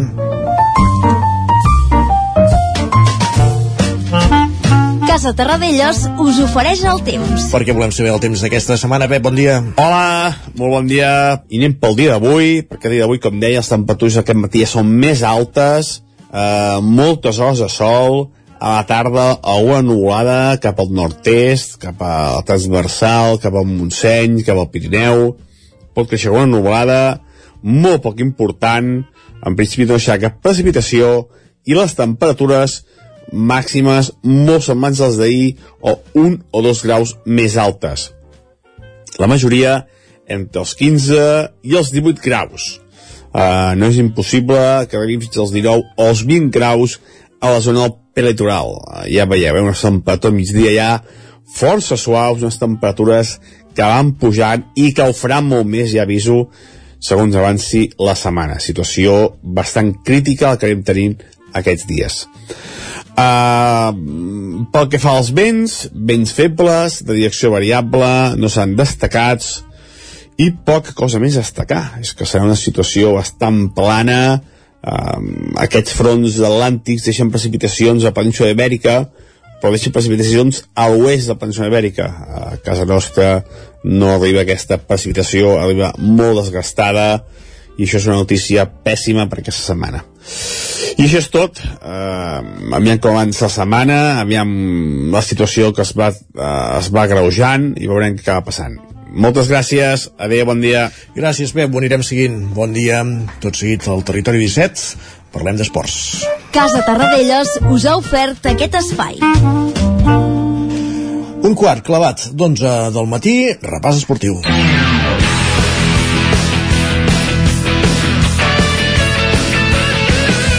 Perquè és el moment d'aprofundir en la jornada esportiva del cap de setmana a les nostres comarques. Tots aquells partits que us avançàvem divendres, ara és el moment de saber com s'han desenvolupat, com s'han decidit. Pol Grau, Ràdio Televisió Cardedeu, benvingut, bon dia. Bon dia, bon dilluns. Bon dilluns. Com ha anat la jornada esportiva el cap de setmana? Uh, no, molt bé. No, No, ha sigut bé, una carai. jornada d'enguany. Només hem tingut una victòria, així que anem a veure quina ha sigut. Eh, comencem amb el futbol. A segona catalana tenim el Cardedeu, que juga fora de casa contra el Premià, on van acabar empatant per 2 a 2. Els cardedeuencs que jugaven amb un, amb un jugador més des del minut 5 no van aconseguir la victòria i es queden, van marxar de Premià amb un punt. Fa que es quedin segons de moment amb 33 punts només a un punt del Masnou que és tercer amb 32 a tercera catalana també tenim el Cardeu al filial que va empatar per 0 a 0 contra el Palau Tordera eh, fa que es manté la novena posició empatat amb 26 punts contra el, amb el Vilamajor que és de UE a tercera catalana tenim el Llinàs també que jugava contra el Vilanova Vallès que sí que va perdre per 3 gols a 1 els de Llinàs que es, els ginarens que es van, es van avançar al marcador per 0 a 1 al minut 42 van veure com els hi van acabar remuntant per 3 a 1 als locals eh, partit que es veia complicat ja, ja que juguen contra els tercers i fa que el Vilanova avanci a la segona posició mentre que el Llinàs es quedi a la oncena amb 23 punts. El, el Granollers que juga a primera catalana jugava fora de casa contra el Banyoles. També eh, dura derrota per 3 gols a 2 on els granollerins sí que van, van, van avançar al marcador per minut 17 ja d'hora Eh, els locals van empatar després el Granollers va aconseguir eh, remuntar per un, un gol a 2 i als últims minuts els locals van aconseguir imposar-se per 3 a 2 a un gol al 89 uh, fa que això que el Granollers eh, es baixa a la tercera posició mentre que el Fires va guanyar el seu partit eh, es posa segon amb 36 punts i el Granollers tercer amb 34 uh, en bàsquet a la Lliga EVA el Granollers que jugava a casa contra l'Esparreguera també va perdre per 70-86 i el Llinàs que jugava fora de casa també va perdre contra el Vilanova del Vallès per 63 a 47 i l'única victòria que tenim és del Franklin Granollers que jugava a casa on es va aconseguir imposar per 37 a 24 Doncs sempre són importants les victòries del Franklin Granollers, sempre a la part alta de, de la Lliga Sobal. Gràcies, Pol. Fins ara. Fins ara. Continuem aquest recorregut per les emissores del territori 17 i ara ens espera de nou en Roger Rams a una codinenca. Roger, en el vostre cas, com era el cap de setmana? Bé, bé, bé, hem tingut una mica, una mica de tot, eh? Per tots els gustos, també. Hem tingut eh, ja. diferents resultats. això. Va. Vinga, va. Doncs sí, fem, fem un repàs. Comencem parlant de futbol. A la primera divisió catalana, el Caldes va caure derrotat per dos gols a un.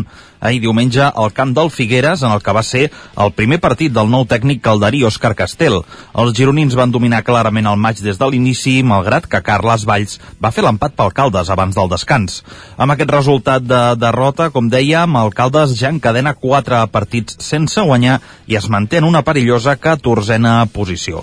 Més futbol, a la tercera catalana, el grup 5, el Vigas, tot i ser cué, va guanyar dissabte al Navàs per 3 gols a 2 amb dues dianes d'Ivan Dionisio i un gol en pròpia porta de l'equip del Bages. Els ballesans, però, segueixen, com dèiem, cués a la classificació amb només 14 punts. Pel que fa al líder d'aquesta tercera divisió catalana, grup 5, el Mollà encara és més líder en solitari, amb 47 punts després de guanyar el Tona per un gol a 2, mentre que el Sant Feliu també va aconseguir imposar-se al seu partit, en aquest cas per 3 gols a 1 davant de l'Olímpic La Garriga, amb un doblet de José Luis Nor- Nortes i una diana de Didac Conill.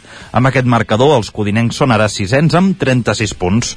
I passem ara a l'hoquei femení. El Vigas i Riells va aconseguir un valuós empat a dos gols a la seva visita a la pista de Lleida en un partit que es va mantenir amb un resultat de 0 a 0 fins a la segona meitat, en la que Maria Igualada va fer un doblet per les Vallesanes, però que Lleida, en els últims instants del partit, va aconseguir empatar. Després d'aquesta jornada, les bigatanes són novenes a la classificació amb 20 punts. Bigatanes en B alta, eh? perquè bigatanes en B baixa són unes altres. Exacte. Més Exacte, qüestions. les de Vigues, les de Vigues. Més qüestions. Ja estem? Ja ho tenim, ja ho Doncs tenim, sí, sí, gràcies. perquè com tenim Copa del Rei d'hoquei patins masculí, en aquest cas, doncs no, Fora. no tenim partits. Doncs eh, que continuem al Ripollès, Isaac Montades, benvingut. Hola, bon dia. Bon dia. Explica'ns com anava la jornada, també. Bon dia.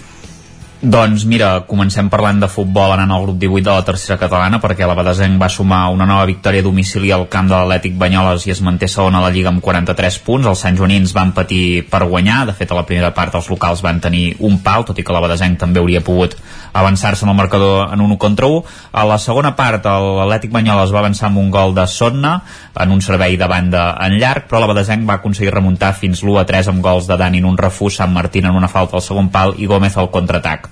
Mondelo va reduir diferències al final, però els 3 punts eh, han vingut fins aquí a Sant Joan de les Abadeses i la Badesenc doncs, continua lluitant per l'ascens.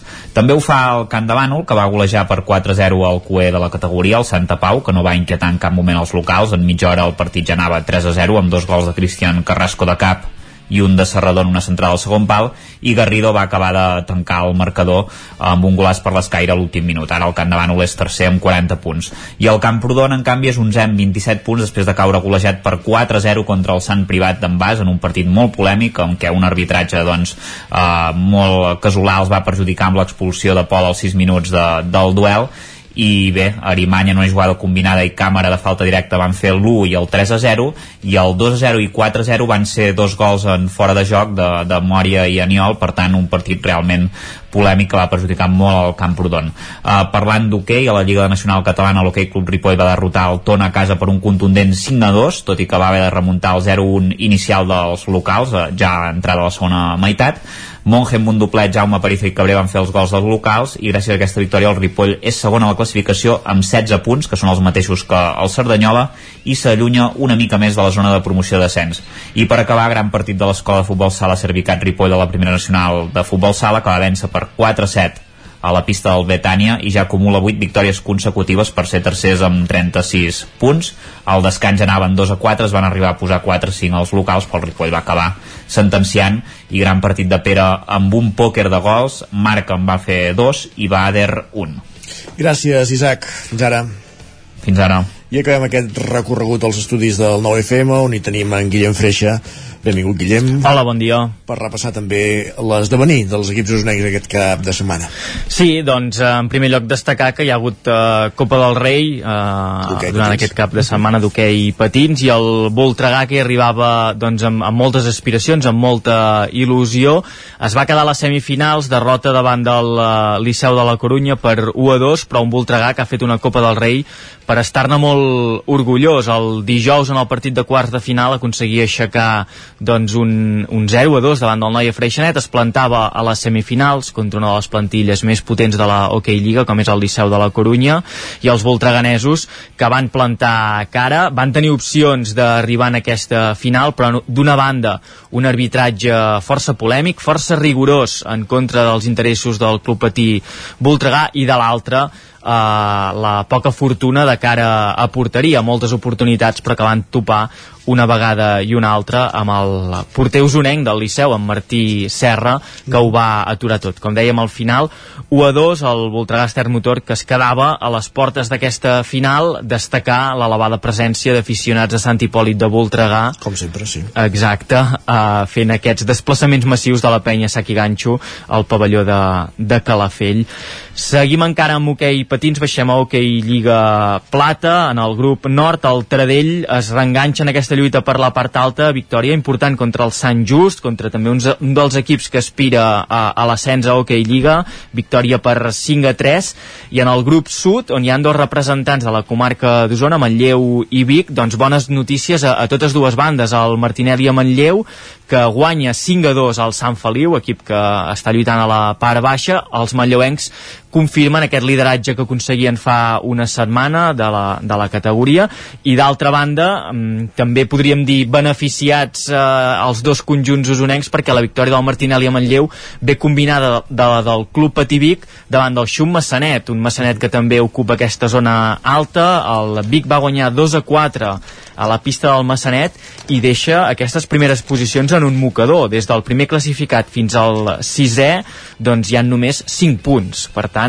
tothom allà eh, en un cop de puny estan tots els equips de, de l'Hockey Lliga Plata en aquest grup eh, sud. Serà Obri- interessant, a veure com... Sí, les jornades finals seran d'allò més interessants. Fem una pinzellada ràpida en el futbol. Victòria del Tona per consolidar-se en la zona tranquil·la de la taula classificatòria. 2 a 0 davant de la Grama. Un Tona que queda en la desena posició, com dèiem, zona tranquil·la ara mateix. A primera catalana, victòries del Manlleu i del Vic. El Manlleu, perdó, empat del Manlleu i victòria del Vic. El Manlleu 0 a 0 davant del Bosc de Tosca. El Vic va guanyar 2 a 1 al Mollet i qui no aixeca cap és el Torelló en eh, la part baixa, en zona de descens, 3 a 1 derrota davant del Palamós. I si et sembla, deixa'm acabar amb un nou, amb un nou èxit eh, del patinatge usonenc, del patinatge tonenc, en concret, i és que aquest cap de setmana hi havia campionat de Catalunya de xous, eh, eh, de competició de, de xous, i el Club Patinatge Tona va aconseguir eh, revalidar aquest campionat eh, campions de Catalunya campiones de Catalunya en la categoria de xous petits. Recordem aquest eh, grup que ja va aconseguir èxits la temporada passada i en aquest curs eh, arrencant aquesta nova temporada doncs repeteix un èxit al campionat de Catalunya. Ara hauran d'anar cap al campionat d'Espanya a veure si van fent camí en aquests èxits eh, en la categoria de, de xous petits Qui no para és el Club Bàsquet Vic, eh? Nova Sí. victòria consecutiva, 13 de seguida, si em sembla, eh? Sí, uh, ho anem explicant cada setmana. Sembla que sigui fàcil, no?, que estan fent els jugadors de Sergi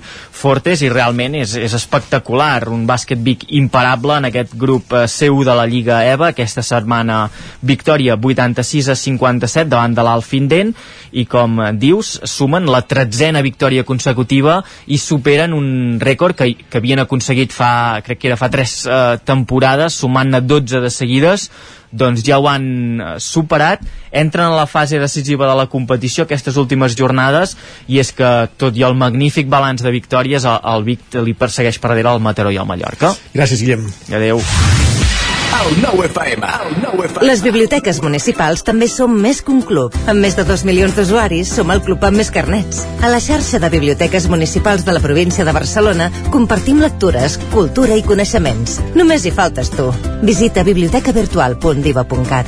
Fes-te el carnet i gaudeix de tots els seus avantatges. Diputació de Barcelona. Bon dia, us truco del servei tècnic oficial de Bailand. Hem detectat que la pressió de la seva caldera està baixant. No me n'havia adonat. Com es pot solucionar? Ho resoldrem en uns minuts. No espereu més. Amb el servei de manteniment ServiPlus Connect de Bailand, preocupeu-vos del que realment importa. Nosaltres ens encarreguem de la vostra caldera. Informeu-vos a connectivitat.bailand.es.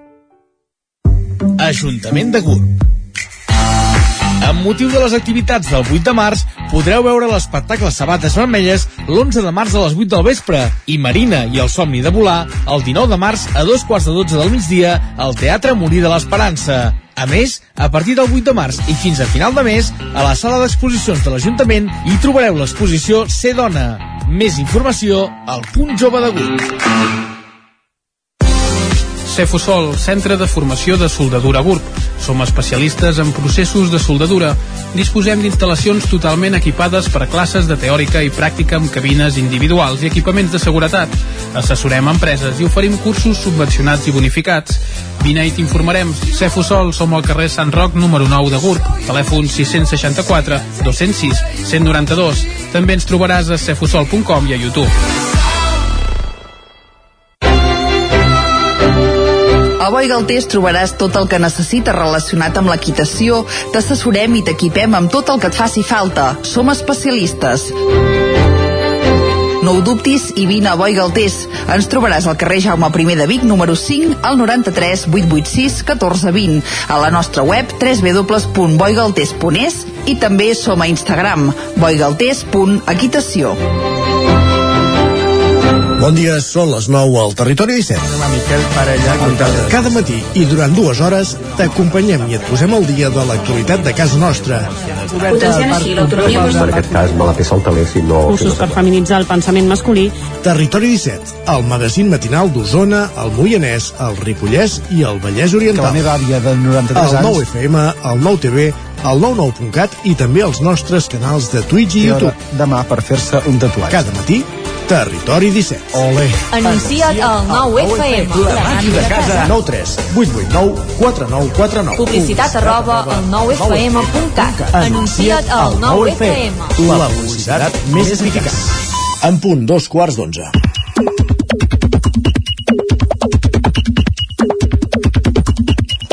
I aquesta és l'hora de saludar en Guillem Sánchez i veure, saber quines són les piolades més destacades que ha trobat a Twitter durant les darreres hores. Guillem, bon dia, benvingut. Què tal, com estem?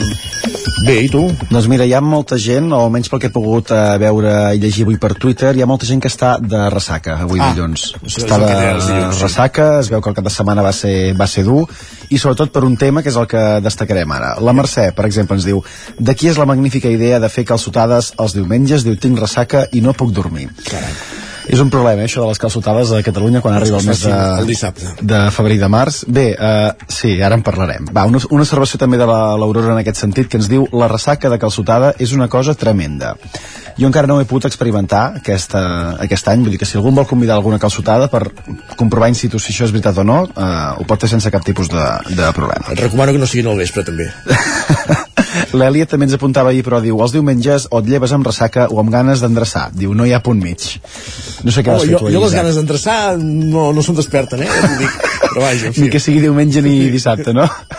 Va, i parlant d'aquestes coses, una reflexió també d'un usuari que em sembla que també ha tingut un cap de setmana una mica mogut. Ens escrivia, diu, arribes el dissabte a casa a les 7 del matí, t'aixeques a dos quarts de 4, tens ressaca, et trobes malament, et penedeixes d'haver sortit, arriba la nit del diumenge i t'alteres perquè no has complert amb les teves obligacions. Jures no tornar a sortir. És mentida, sempre us passa el mateix. Cercles viciosos, eh? Sí. Cercles viciosos i coses que no, que no s'arreglen mai amb el, amb el pas del temps. Mishima tenia una cançó que es deia L'última ressaca, també. La Judit també ens apunta, diu anar de ressaca als diners familiars i menjar-me al restaurant sencer és ja una rutina. Menjar-me al restaurant sencer, carai. Es veu que devia tenir molta gana, suposo. Sí, sí. Mira, si, si et deixen i no has de, de pagar tu, mira, Endavant. Uh, endavant. Va, i hem de ser optimistes per naturalesa i això la Margalida ho té molt i molt clar. Isaac. Què diu la Margarida? Diu, queden 15 diumenges perquè sigui estiu.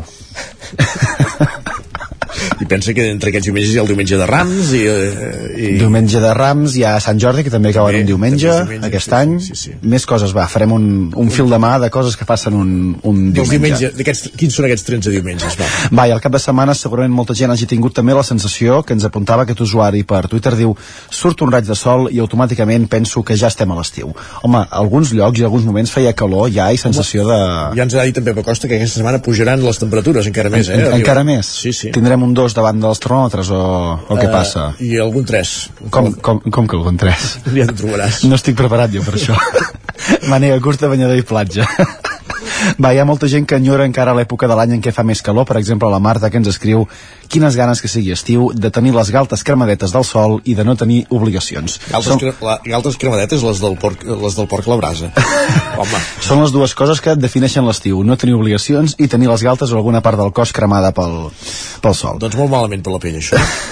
Va, precisament parlant d'obligacions, en Jordi ens apunta que a la muntanya també s'ha de fer cas de la normativa existent. El llegim avui que ens diu Avui baixant cap a Collformic he comptat fins a 8 gossos deslligats amb els seus amos en poc menys de 15 minuts. Diu, és una zona senyalitzada on es diu que els gossos han d'anar lligats perquè hi ha bestiar pasturant, i n'hi havia. Diu, no anem bé, una manca de responsabilitat. Fem, fem una mica de cas, No no? obrirem la caixa dels trons dels propietaris de gossos, va. No? Qüestions, No vols apuntar res, Isaac? No, jo, no. jo, jo et deixo, eh? No, no cal, no cal. No, no cal?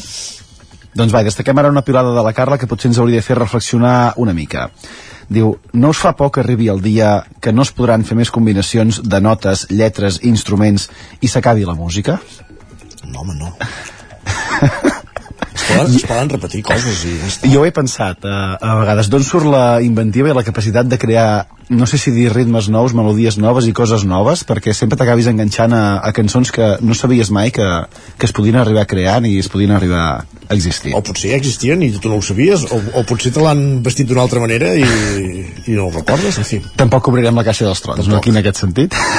Va, i només dues aportacions del partit de, i del Barça contra el València. Ara parlarem la tertúlia. Correcte, doncs comencem va a ambientar-nos. Primer la d'en Ramon, que ens diu potser el Barça no acaba de jugar bé perquè hem de pagar Spotify Premium podria ser una, una raó, seria molt trist que, que per això el Barça no jugués bé i li respon en Dani que li diu Potser caldria fer amb Ferran Torres com es feia, ojo, amb el germà petit i el mando desconnectat de la videoconsola. Diu, una piloteta per ell i que no molesti quan hi ha partit. Sí, però val diners, eh? Se li van a pagar un sou, llavors, eh? però aquesta del mando de la videoconsola jo t'ho juro que l'havíem fet alguna vegada i ben bé es podria aplicar a nivell professional i jo crec que tampoc es notaria gaire. No, no, ja. També tens raó. Gràcies, Guillem. Deixarem que hi aprofundiu ara, va, que vagi molt bé. Va, anem cap a la tertúlia.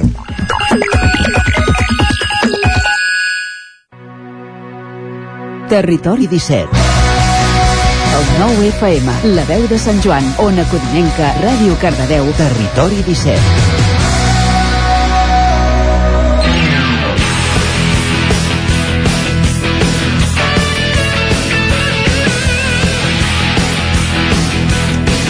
Cinc minuts i mig que són els que passen de dos quarts d'onze del matí al territori 17 i entrem a la tertúlia esportiva avui en companyia d'en Guillem Freixa, de Lluís de Planell, de l'Isaac Muntades i d'en Pol Grau. Benvinguts tots quatre. Bon dia. Bon dia. Nou i bonic dia. Nou i bonic dia. Avui, avui l'únic que està content em sembla és en Freixa, perquè és això que dèiem ara, el Barça hi va sumar 3 Mentida. punts.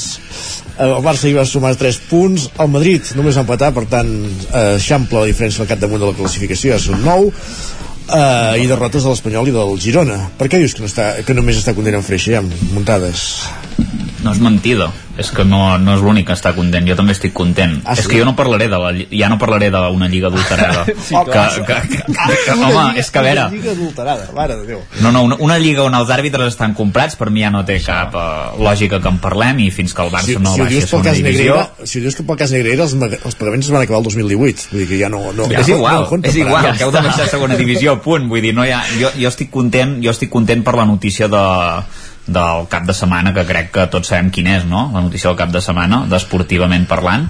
No. No, no en teniu ni idea. Home, doncs que Fernando Alonso Mare va Déu, aconseguir, va, va, va aconseguir un podi a la Fórmula 1 que feia molts anys que no ho feia i que pot ser que pugui lluitar pel Mundial. Jo crec que això la notícia Home, de l'any. li, li hauria no? de cara la cara de vergonya de, de no haver-ho fet fins ara gaire tots aquests anys Home, perquè no tenia- el no millor tenia el cotxe i el millor pressupost No, no Sí. el tenia, no el tenia el millor cotxe ni el Perdona. millor pressupost. Fins a, ara... a les èpoques no. de Ferrari i McLaren no tenia el millor cotxe i Mercedes i... A l'època de McLaren, a l'època de McLaren va ser un any i sí, hi va haver-hi tots aquests problemes que ja sabem amb en, amb en Hamilton i tota la gent que, que hi havia allà amb en Ron Dennis potser- potser una part del i problema a també l'època de ell, no? Ferrari no tenia el millor cotxe però potser una part del problema potser també era ell dic jo, vaja, no sé no, no, jo penso que no jo penso que és el millor pilot de, de la Fórmula 1 el que passa és que ha tingut mala sort una mica com Carlos Sainz pare bueno no? Vaja. Un altre, que, tot i, que tot i així també va guanyar bastantes coses sí, tant.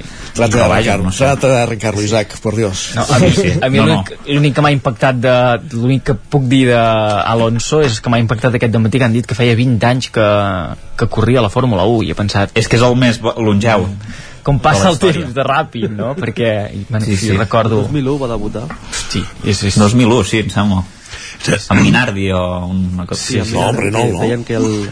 no, amb Minardi Minardi. Això de la Fórmula 1 és, és tan... És, és, és tan... Eh, avorrit?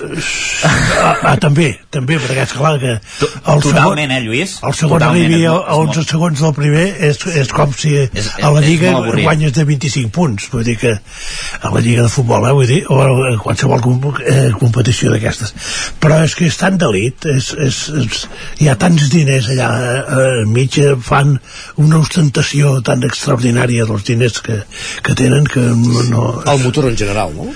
Sí, però és que aquests, aquests eh, els, de, els cotxes encara molt més que les motos.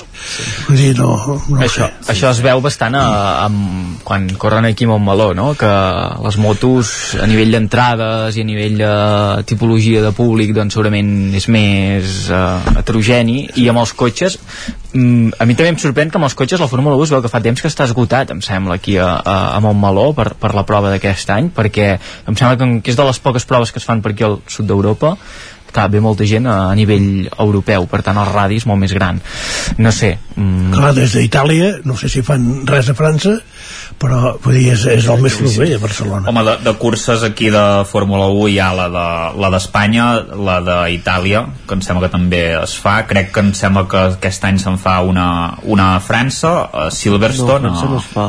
A, Regne, a França no, doncs, bueno, van, van canviant. Em sembla que deu ser, doncs, a, a les motos. Clar, són més de els mil restos, quilòmetres, no? això, Sí, sí, són... Bueno, Sí, que fa l'efecte... però- però- L'efecte però la majoria de proves es fan al, a, a l'Orient Mitjà també i a, i a l'Àsia també sobretot i, i déu-n'hi-do les que es fan a Amèrica. Res, volia fer un apunt ja, a mi no m'agrada massa, eh, tampoc la Fórmula 1 ni, Tot és per treure minuts. però, però la meva parella sí que li encanta molt i això i, i li vaig prometre que, que ho diria bueno.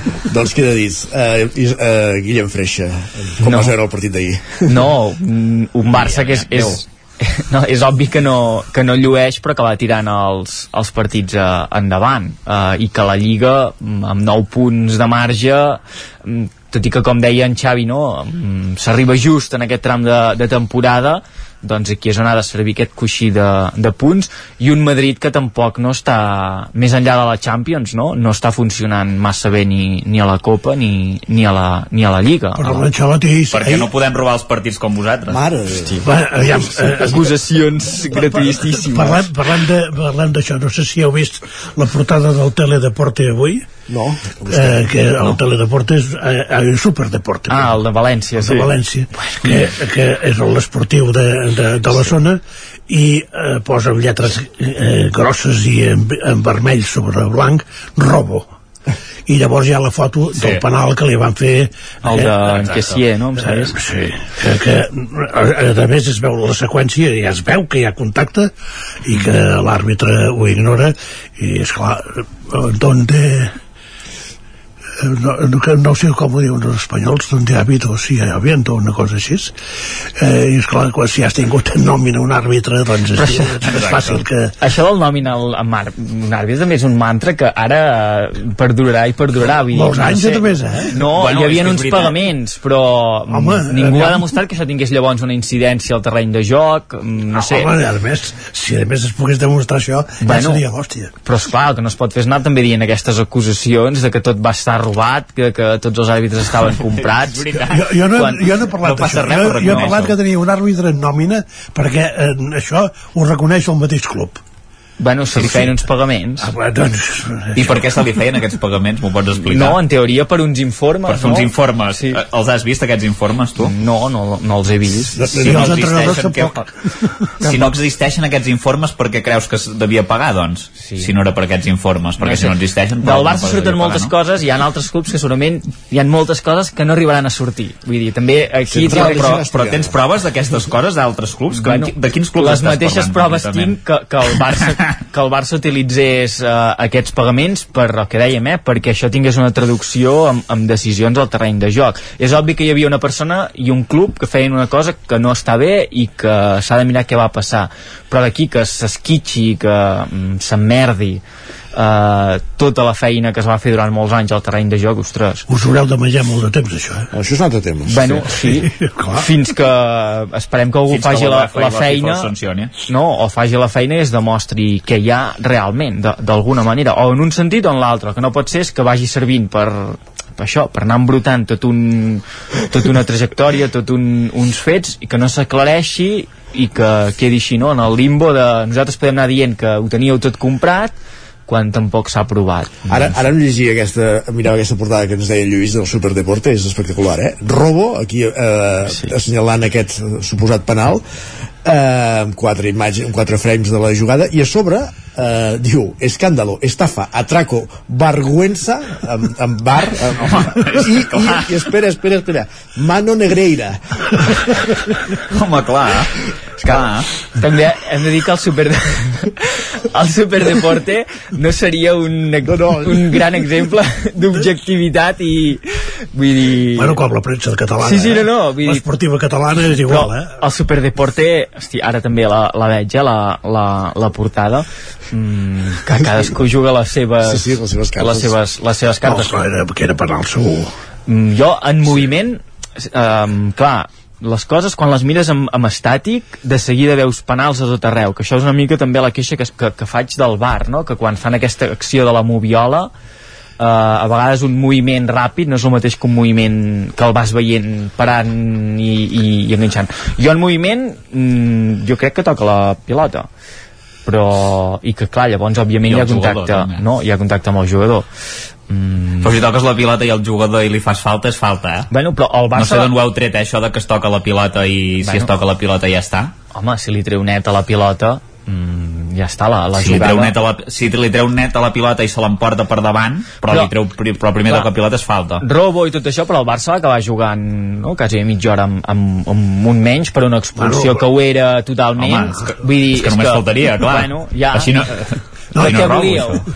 I que, aquest, i que aquest diari eh, va posar robo per amagar les, el, els, els problemes que té el València en aquell Ah, moment també. i les errades que van fer de, de, de infantils amb unes passades que, que eh, anaven a, a 5 metres de, del company i que Oh. el, el València va estar fatal, vull dir, horrorós Sí, sí, té pinta segona divisió al València, ja ho vaig dient i... eh, o sigui, en aquests minuts, quan, quan va jugar amb superioritat, quan havia de portar la iniciativa, és quan va demostrar que estan fatal, que estan horrorosos. Bueno.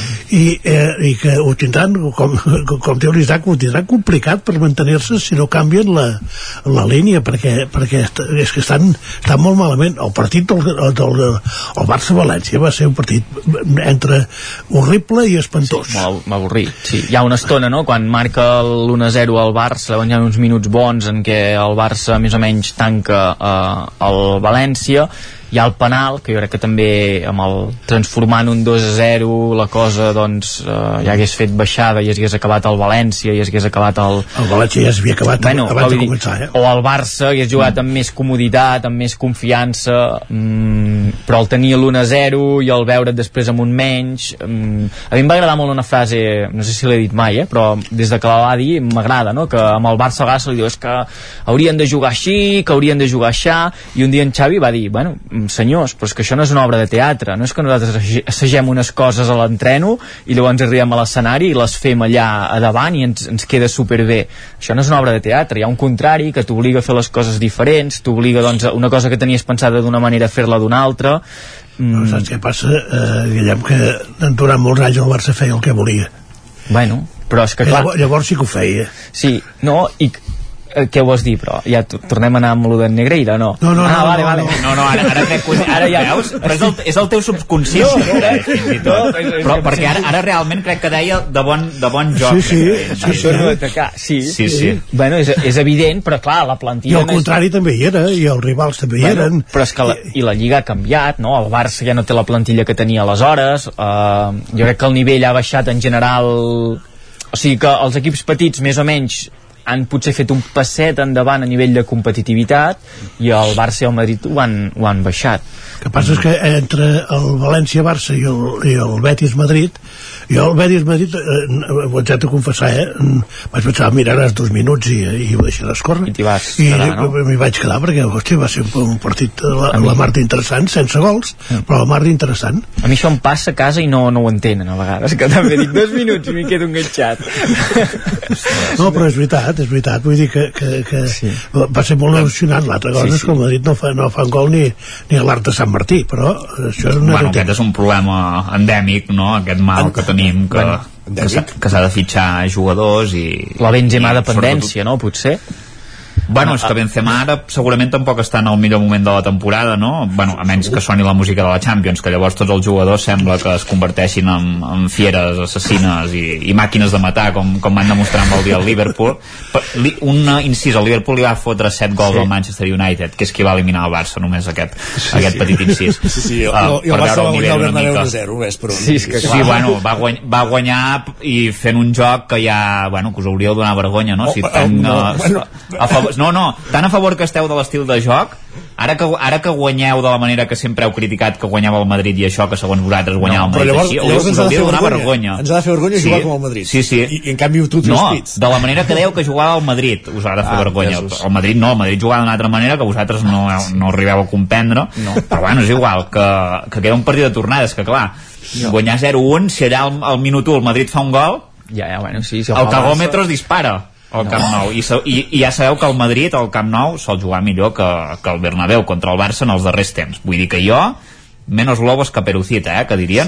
Sí. I, i res, vull dir tran tranquils, el Madrid evidentment ha de fitxar i segurament aquest estiu fitxarà i, i vindran un o dos jugadors i, i, i aconseguirem doncs, solventar aquesta falta de gol perquè evi- evidentment Benzema té 35 anys i és un jugador que depèn bueno, jugar molts partits seguits poder ja no li costa més i, i ja s'està ja s'està demostrant i l'equip també s'ha desendollat una mica de la, de la Lliga no? veient que el Barça està guanyant partits d'una manera una mica sospitosa en, en alguns casos doncs bueno, suposo que fa que i sempre el posen a, a, pràcticament al partit del. Barça davant no, però és veritat i quasi bé sempre juga abans el Barça que el Madrid setmana que no no. sé, perquè és que... Sí, però quasi bé, però molts cops aquest any, però però, això- jo, jo diria que n'estic segur, eh? molts cops, eh? perquè l'any que ve espero que el Madrid jugui tots els partits abans que el Barça. Però això tampoc no, vull dir... No, sí. Si el Barça ens supegués, els del Barça diríem, oh, és que ho posen a davant No, no, però el Madrid, el Madrid quan el Barça- què ha fet el Barça i no sé Quan el Barça juga davant, al Madrid li costa més, eh? Si, si sobretot si té una mica de distància al Barça li costa més, eh? Hi ha com molta més pressió, això. els hi, pot, els hi pot una mica més la pressió, eh? No sé.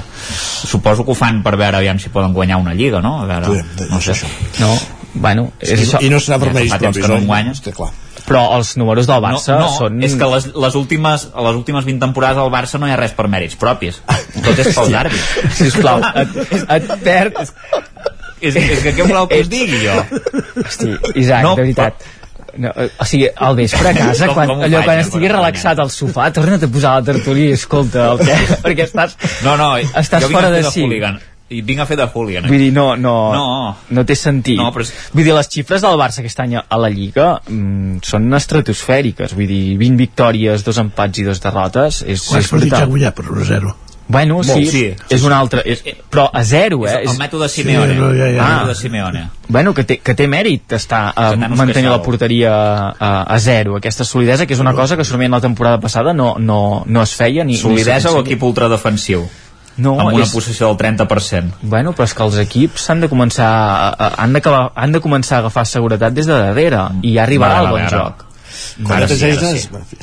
I que falta, falta, és que falta el, el motor d'aquest equip, falten Pedri, falta Gavi, falta Lewandowski, uh, tens un Ansu Fati que, que um, està jugant una primera temporada, diguem allò ja amb, amb tots els galons i, i sense lesions, et falta Dembélé, ostres, que amb tots aquests condicionants eh, es vagin tirant els partits endavant a, a la Lliga amb, l'Agustí Danés deia ara potser no cal mirar tant el joc sinó que queda una jornada menys Sí, clar.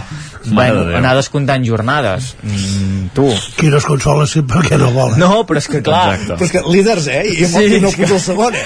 Exacte. Sí, no, no, no, sí, sí, ja, ja. Sembla estigui... Aquí jo, l'únic però que els hi puc eh, retreure amb, els, amb, el, amb el Barça és a l'Europa League que amb l'Europa League doncs potser sí que s'hauria d'haver I a la Champions, no? bueno, Perquè abans de l'Europa League Sí, sí. el ridícul va ser la Champions. sí, bueno, la Champions ja és aigua passada òbviament que en, tenen, que en tenen de raó les empreses que de, en, se, eh, dediquen més calés a la Premier que a la, que a la Lliga eh? Sí, bueno, és que la Premier esclar, a la Premier veus uns partits ja, ja, no, ja no, no parlo del 7 a 0 d'ahir No, no, que és una cosa l'Arsenal, no? Amb el- Però, el Bournemouth. exactament, veus, veus un nivell de joc que no té res a veure amb, amb el que se juga per aquí. I si això va més a la baixa eh, mm, més problemes tindran sobretot el Barça i el Madrid perquè el, el, el Barça ja està als 700 milions de fair play financer sí, sí, i, no, i econòmic. amb amb el que ha rebaixat mm. vull dir que mm, sense eh, diguem la, la, la, la, la tortura econòmica que representava en Piqué ja no hi és i tot i amb això doncs està als 700 milions vull dir que mm, Hi ha altres estructures econòmiques encara, però vaja. Exacte, sí. també s'han de fer un camp nou que no saben com el pagaran i, i vés no. a saber si, si això ho tiraran endavant tant com, com diuen la porta perquè a la porta també sembla a vegades que és eh, una mica massa optimista perquè un, un club endeutat com aquests si a més han de pagar no sé si 1.500 milions per fer una, una ciutat esportiva com aquell que diu doncs si, si ho podran fer vull dir, són tota una sèrie de coses que s'estan produint aquí quan està baixant el nivell de la Lliga i el nivell de la Lliga vol dir baixar els, els, Els ingressos. els ingressos i això vol dir unes, unes conseqüències sí, sí. nefastes per, per tot el futbol espanyol I, i ara, jo no sé, eh, la, la Premier, el tema de veure si tu estàs a Anglaterra i has de veure el futbol, no sé en quina plataforma es fa, es fa però per exemple aquí a, a, a l'estat eh, espanyol, el que és una vergonya i jo ho trobo lamentable, és que tu per veure tota la jornada de Lliga, no?, has d'estar subscrit a, a, a dues plataformes has de tenir Movistar i has de tenir DAZN perquè hi ha alguns partits que només els fan per DAZN sí. vull dir, això no facilita tampoc que la gent doncs, eh, faci aquest pagament que hi hagin més recursos ostres, eh, no sé tot plegat i el partit en obert és una castanya de la Lliga Sí, sí. Espanyola cada setmana bueno, Sí, sí. castanya entre, entre cometes eh? però a veure, a mi veure el Cádiz no em motiva gaire I, i llavors la idea, la idea de, de que som un país llatí no? i que això eh, és una motxilla que eh, la portem a, a sobre en tots els sentits sentia aquest cap de setmana en, en John Carlin eh, eh, va parlar al, suplement i és que ell deia, li van demanar però eh, a la Premier hi ha personatges pintorescos com, en, com aquest mateix en Negreira o en Tebas o presidents com en Laporta, en Florentino i és que ell va dir que no, que clar, que per exemple els dirigents de la Premier doncs són persones que totalment anònimes, que són diguem, executius no? de, de fer anar endavant la Premier com a, com a empresa i que aquest paper de pintorescos eh, els hi Però deixen això- en els entrenadors divertit, això.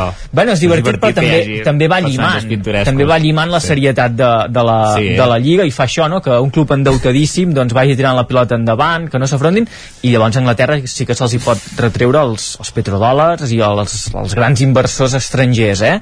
però fins i tot aquests no, no tenen molta visibilitat pública de, de fer xous Però si, el, si el Barça un dia es convertís en societat anònima esportiva, ja m'explicaràs l'únic lloc on poden anar a treure els calés, que és on t'ho han fet el City, Sí, sí. de tots aquests. Sí, sí. Vull dir que, clar, calés només n'hi ha allà.